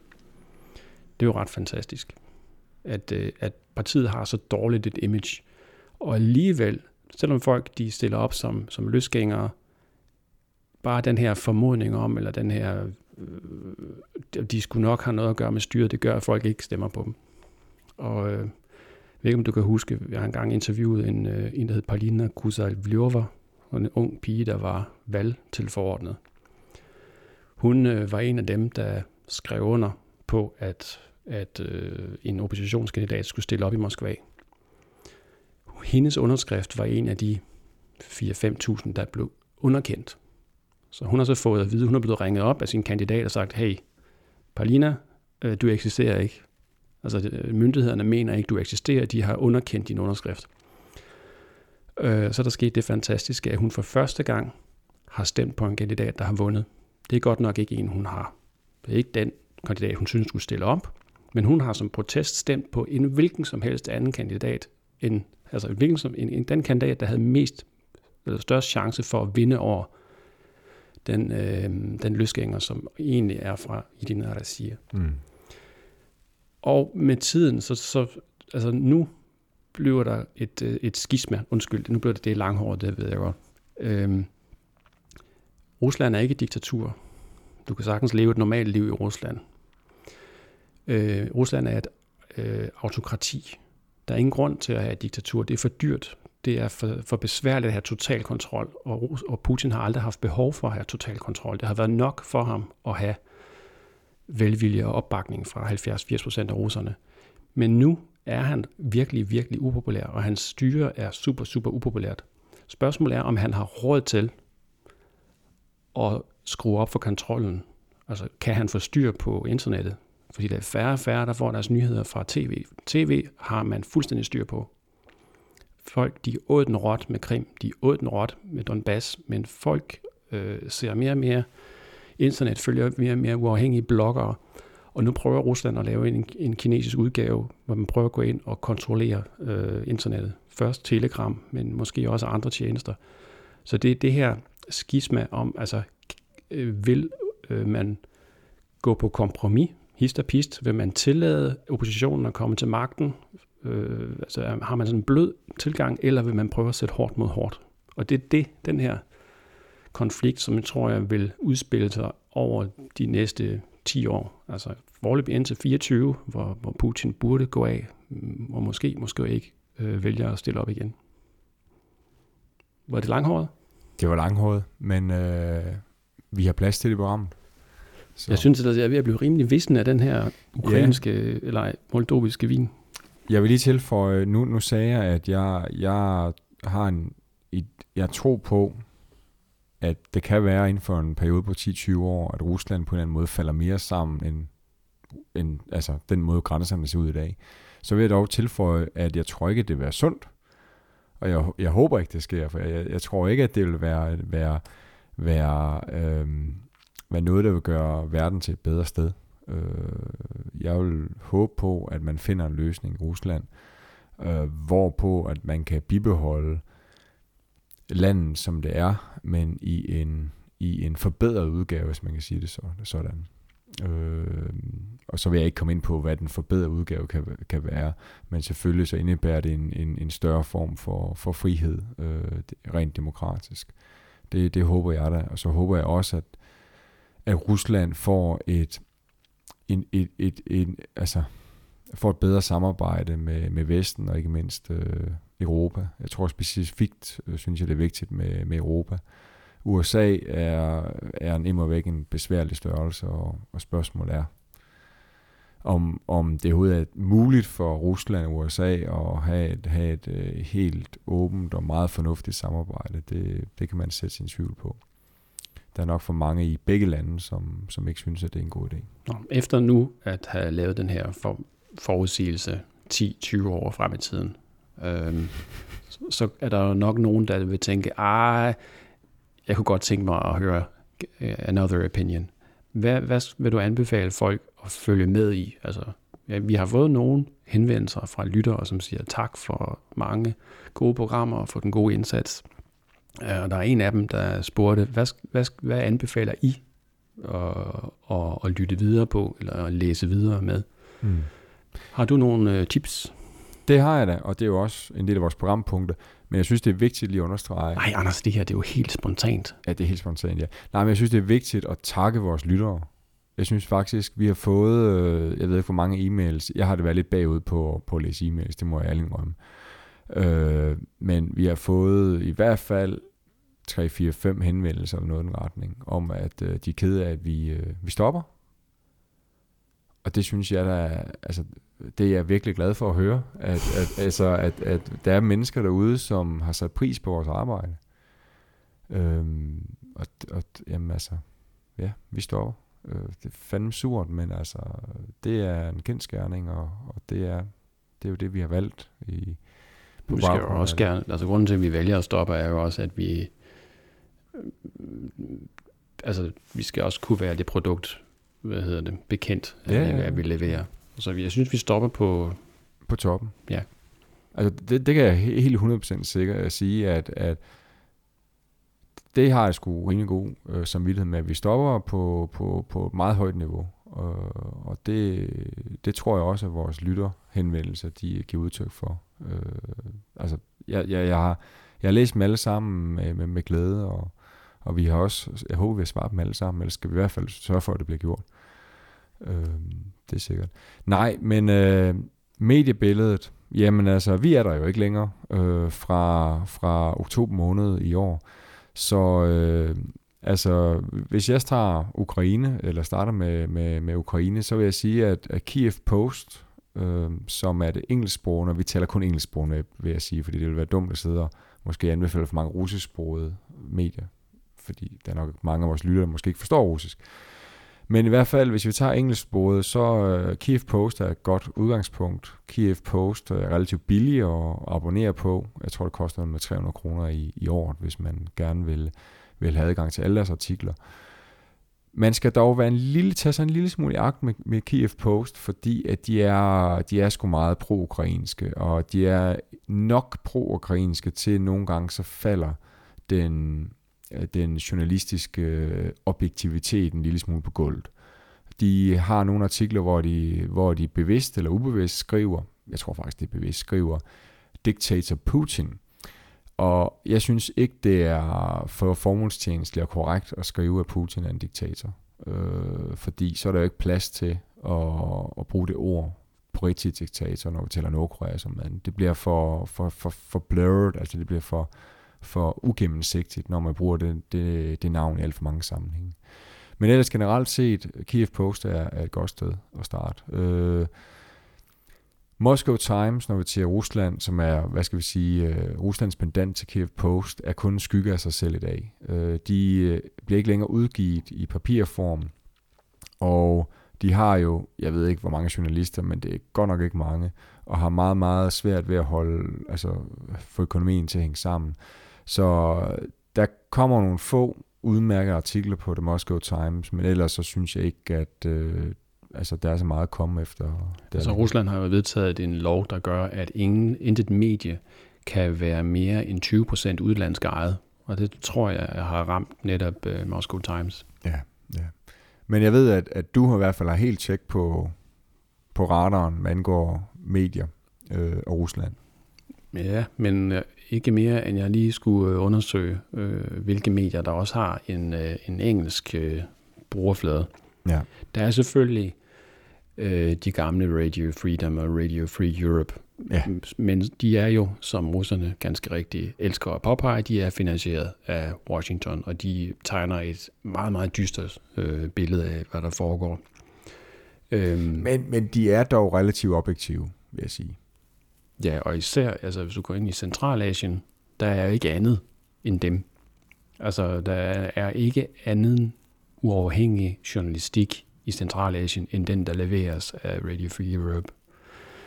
Øhm, der er to medier, jeg vil fremhæve. Det ene det er Medusa, øh, som har en engelsk øh, underside. Jeg vil tro, de oversætter en tredjedel eller en fjerdedel af deres artikler. Det er artikler, der er blevet bragt på russisk, som er relativt let tilgængelige, som er sådan meget dybdeborende. De er ikke specielt altså, dybt tekniske eller specifikke og kræver ikke det store overblik. Det er ret skægt, at det jo altid er en til en oversættelser, men typisk har den fået en anden overskrift på, på engelsk, fordi at øh, man fremhæver noget andet for en udenlandsk læser. Øh, og hvad der er rigtig godt ved øh, Medusa, det er også, at der er en del kulturstof. Øh, fordi må ikke glemme, som jeg sagde før, Rusland er ikke et diktatur, det er et autokrati. Der er et spændende kulturliv. Her forleden, der stiftede jeg via Medusa bekendtskab med den store øh, feministiske YouTuber Nixel Pixel, som jeg aldrig havde hørt om før. Øh, hun får dødstrusler for at, at tale, øh, synes nogle mænd åbenbart, alt for frit om øh, seksualitet. En anden øh, hjemmeside, som jeg vil fremhæve, det er en, der hedder Carnegie Ru. Det er Carnegie øh, er noget, der er en fredsfond, en fredstænketank, der er stiftet i 1910 af en øh, skotsk, skotsk udvandrer til USA, der hedder Andrew Carnegie, som en stor magnat. Øhm, og Carnegie Ru, de er sådan lidt mere, hvad kan man sige, synes jeg, afbalanceret. Der er også øh, artikler om, om geopolitik. Det er lidt mere tungt end Medusa, men det er i hvert fald meget, meget lødigt. Så, så øh, jeg må indrømme, at jeg har ikke rigtig nået at gøre mig nogle tanker om, hvad man kan læse, som måske ligger lidt tættere op af den officielle linje. Altså, der er Russia Today, der er Russia Insider, som leverer den her hardcore øh, sammensværgelsesteoretiske øh, vinkel på alting, hvad der foregår. Jeg synes, det er vigtigt, når man læser Russia Today, det gør jeg nogle gange, der skal man virkelig have alle sine forsvarsmekanismer helt op på, på duberne, fordi de skriver ikke nødvendigvis øh, løgne, men de fordrejer sandhederne nogle gange rimelig kraftigt. Så Russia Today skal man tage varsom, men de er nogle gange gode til at, ligesom at få en idé om, hvad er den officielle russiske holdning, om man ikke kan tale russisk. Så Russia Today har en, en god indikator for, hvad, hvad Kreml mener, vil jeg mene. Øhm, burde jo egentlig også i det her YouTube-verden lige øh, fortælle, om der er nogle gode YouTube-kanaler. Og jeg, jeg mener faktisk, at Navalny er jo ikke et objektiv kilde, men jeg vil sige, at hans videoer øh, er jo lavet meget som nyheder, fordi at der netop ikke er så et stort uafhængigt nyhedsbillede i Rusland.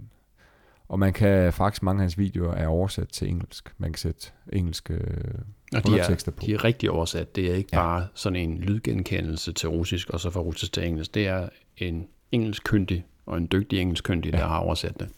Så, så det kan man også, men igen, der skal man lige have sine øh, forsvarsmekanismer op, øh, og sund fornuft, og lige se, ah, kan det nu være helt sandt, alt det han siger, fordi der er selvfølgelig nogle ting, hvor der bliver, hvor der bliver taget sit eget øh, argument, eller sin egen sag. Jo.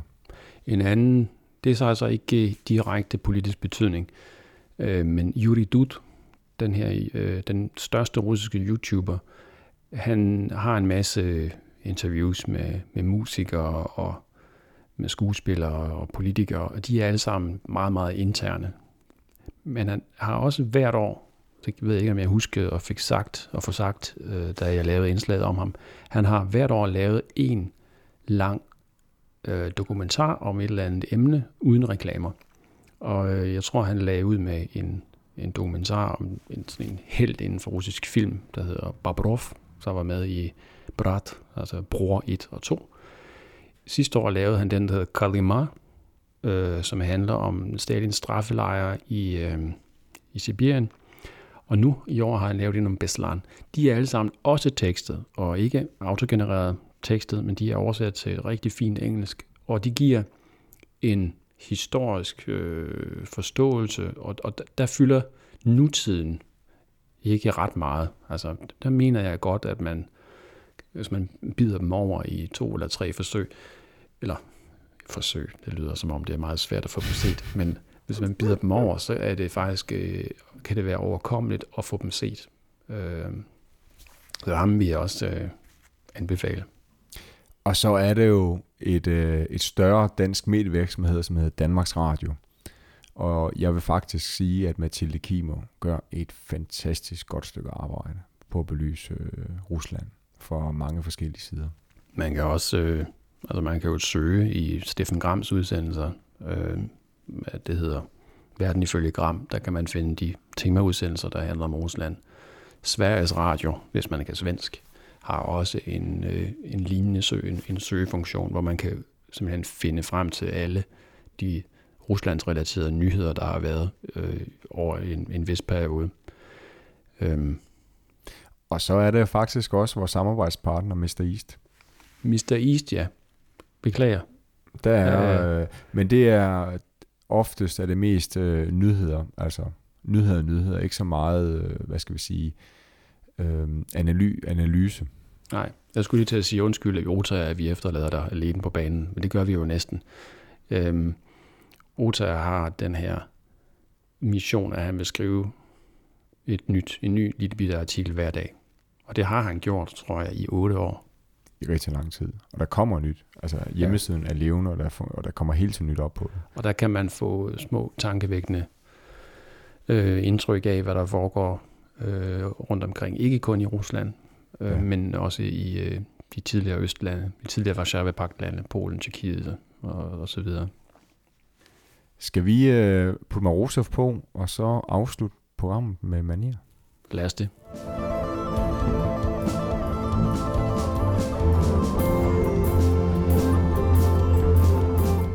Jesper, nu tager jeg lige og prøver på at få hånden igennem alle de her mikrofoner, via mikrofoner, og så hælde mere champagne op til dig, fordi at, øh, nu har vi godt nok gået en lille smule over tid jo. Ja, ja. kun en halv time plus det løse. Øh, men, men, men før vi slutter helt af, så har jeg faktisk en gave til dig. Nå. Ja, ja. Jeg, jeg, jeg kunne ikke lade være. Øh, okay. og, og du forstår ideen, når du nu øh, når får, lov til at, når du får den, ja. Mm-hmm. Og i godt tv-køkkenstil, så skal jeg lige række om bag mig. Og øh, eftersom jeg ved, at du sætter pris på genbrug, så er båndet selvfølgelig genbrugt. Oh, det er det... simpelthen blevet givet til hinanden tidligere.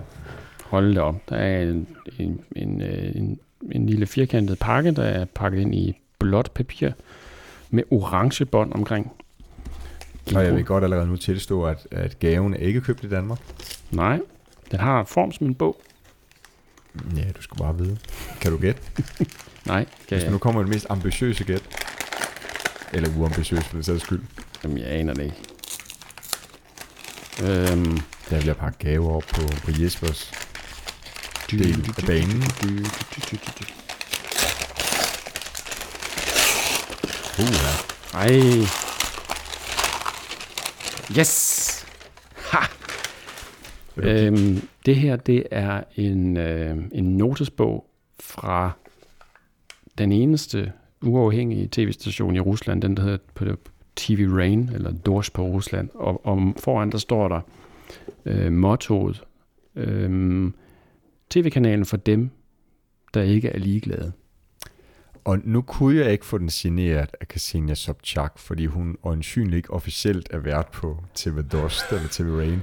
Men øh, hvis, hvis du nu åbner den og ser, hvem der signerer den, kan du så regne ud, hvorfor jeg netop har valgt denne Ej, vedkommende? nej, nej. Pis. øhm, det må være, det er Lop, Lapkov. Der står, нашему дорогому зрителю оставляйте надежд... Okay. Øh, kære tv-seere, bliv på kanalen. Øh, deres, hvad står der, han hedder nok Pavel Lapkov. Pavel Lapkov er den journalist, som jeg blev interviewet af, da jeg engang øh, tog mod opfordringen jeg, må fra... jeg lige sige, grillet. Ja, det gjorde jeg. øhm, det var, da hele verden var i oprør over, at, Dan, at Københavns Zoo havde, øh, havde aflivet Marius. Og så øh, og, og Rusland var også ved at gå helt amok.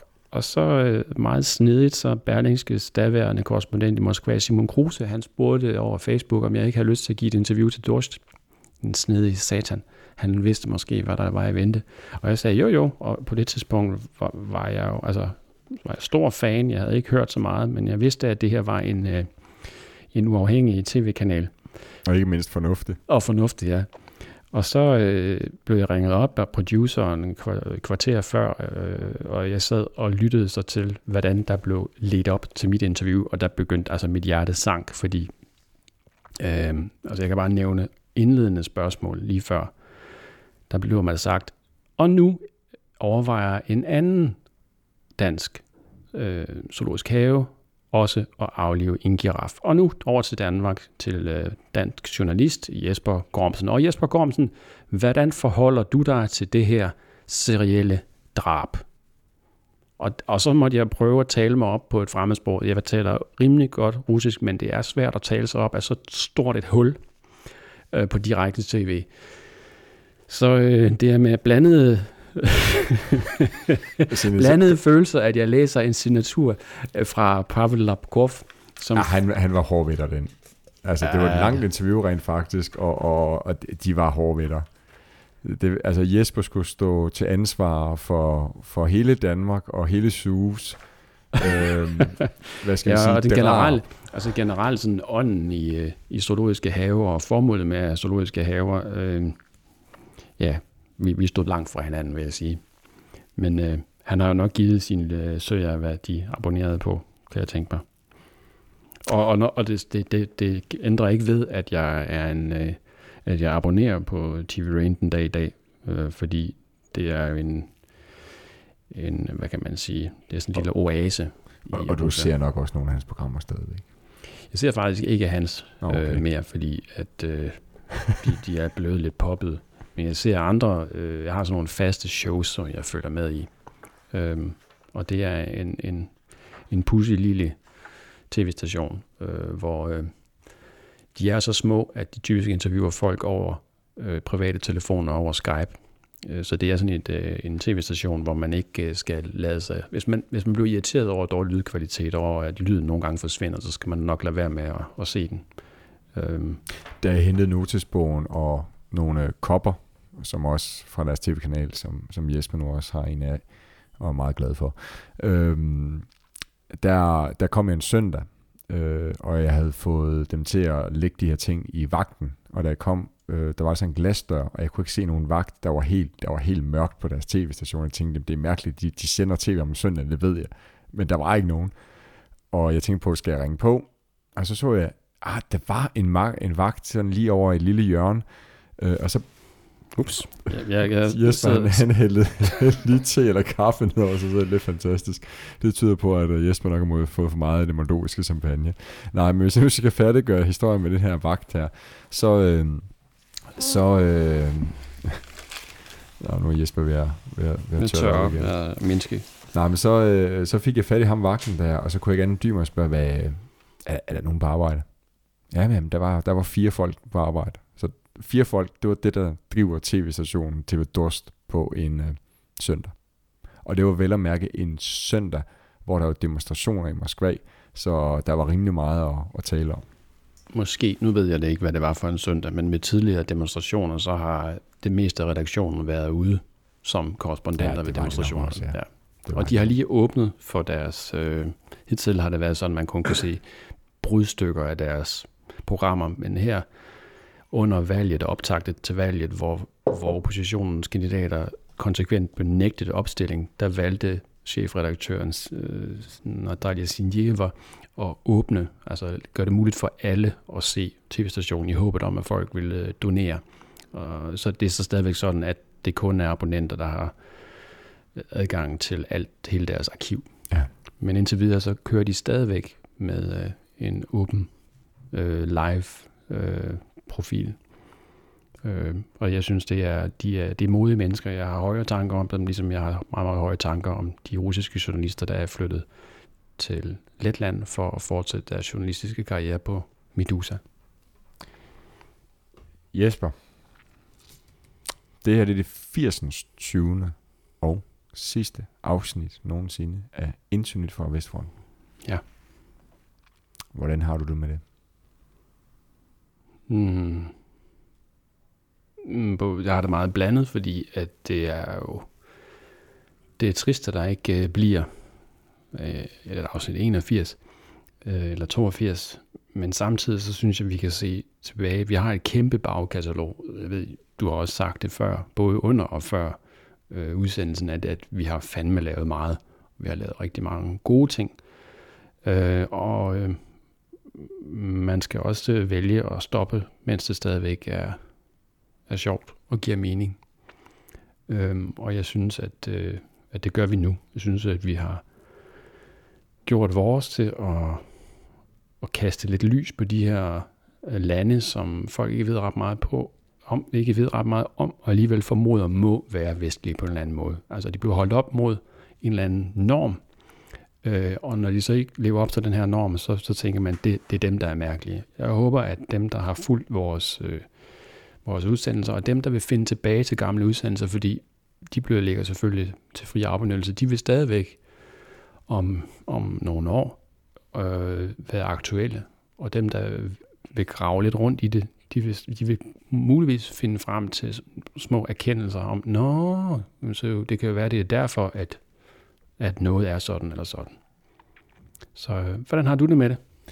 Jamen, jeg, jeg sidder også ligesom ambivalent, som, som du måske sidder og siger. Jamen, altså, på en måde er det lidt befriende at, at, at stoppe, øh, også mest fordi man, man ikke har tid til det.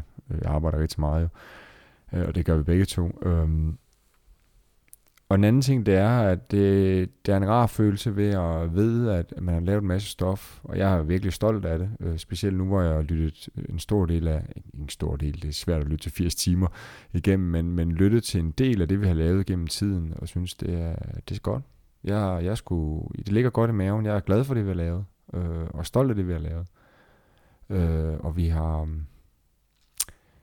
ja, øh, men jeg kommer til at savne det det tror jeg. Altså om måneden, når der lige pludselig ikke rigtig, det skal jeg ikke tænke på, øhm, så, så bliver det da mærkeligt. Det gør det, og, og, og en af de ting, som, som jeg savner og kommer til at savne mest, det er den her sådan, snak, vi har minimum en gang om måneden jo. Fordi det skulle vi gøre. Fordi at vi havde aftalt med os selv, at vi skulle lave program hver måned jo. Øh, det kommer jeg til at savne. Øh, også fordi at det har været øh, medvirkende til at sætte perspektiv på Rusland, fordi du har din vinkel på Rusland, jeg har min vinkel på Rusland, ligesom alle mennesker har, har forskellige vinkler på forskellige ting. Så, så det bliver savnet, øh, men det er også det er, også, det er også dejligt på en måde. Altså, når man ligesom har sat det mål, at nu stopper vi, og der, går, der er gået to måneder siden vi ligesom blev enige om det, tror jeg nok, cirka ja. to måneder, så, øh, så har jeg det egentlig godt med det. Øh, det, ja, det er faktisk fået.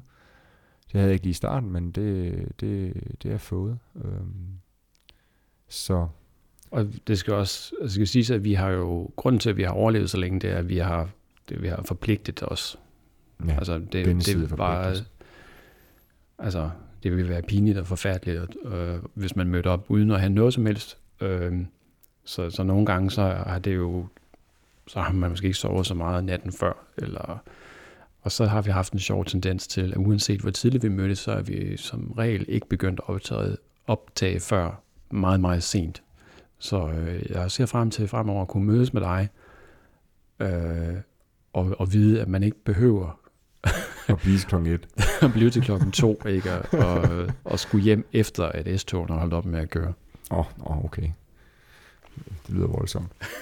jeg kører da i hvert fald ikke hjem i dag, det er helt sikkert, fordi at, øh, jeg har fået lidt for meget er, Anders, du er hjemme. Nå, jamen jeg kører da ikke hjem, det er det, jeg Nå, nej.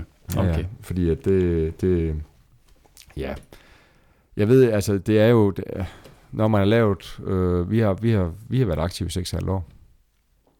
Og så jeg ved, jeg har sgu ikke nogen idé, hvordan man, hvordan man slutter et, et 80. 20. program af på ordentlig manier efter 6 år. Det kan jeg simpelthen ikke. Jeg kan simpelthen ikke, jeg kan simpelthen ikke forlige mig med tanken. Men det kan blive et meget, meget langt program, hvis, øh, hvis vi fortsætter. det ret i.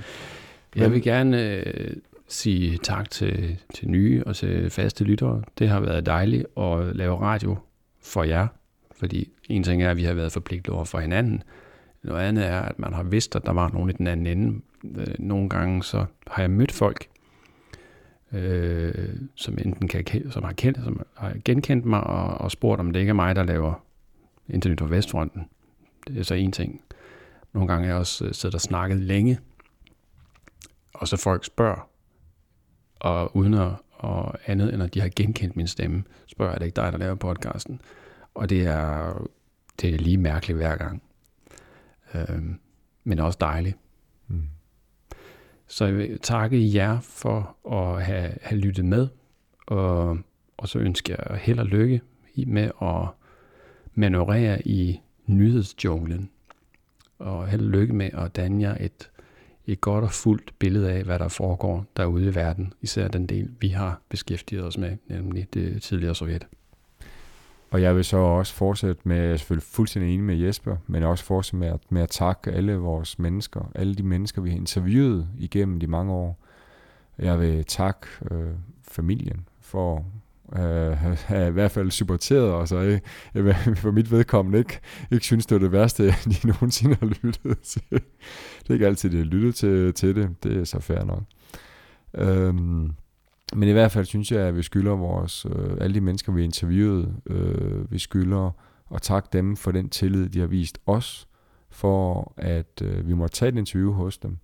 Øh, og vi skylder også at, at, at takke vores kære lyttere.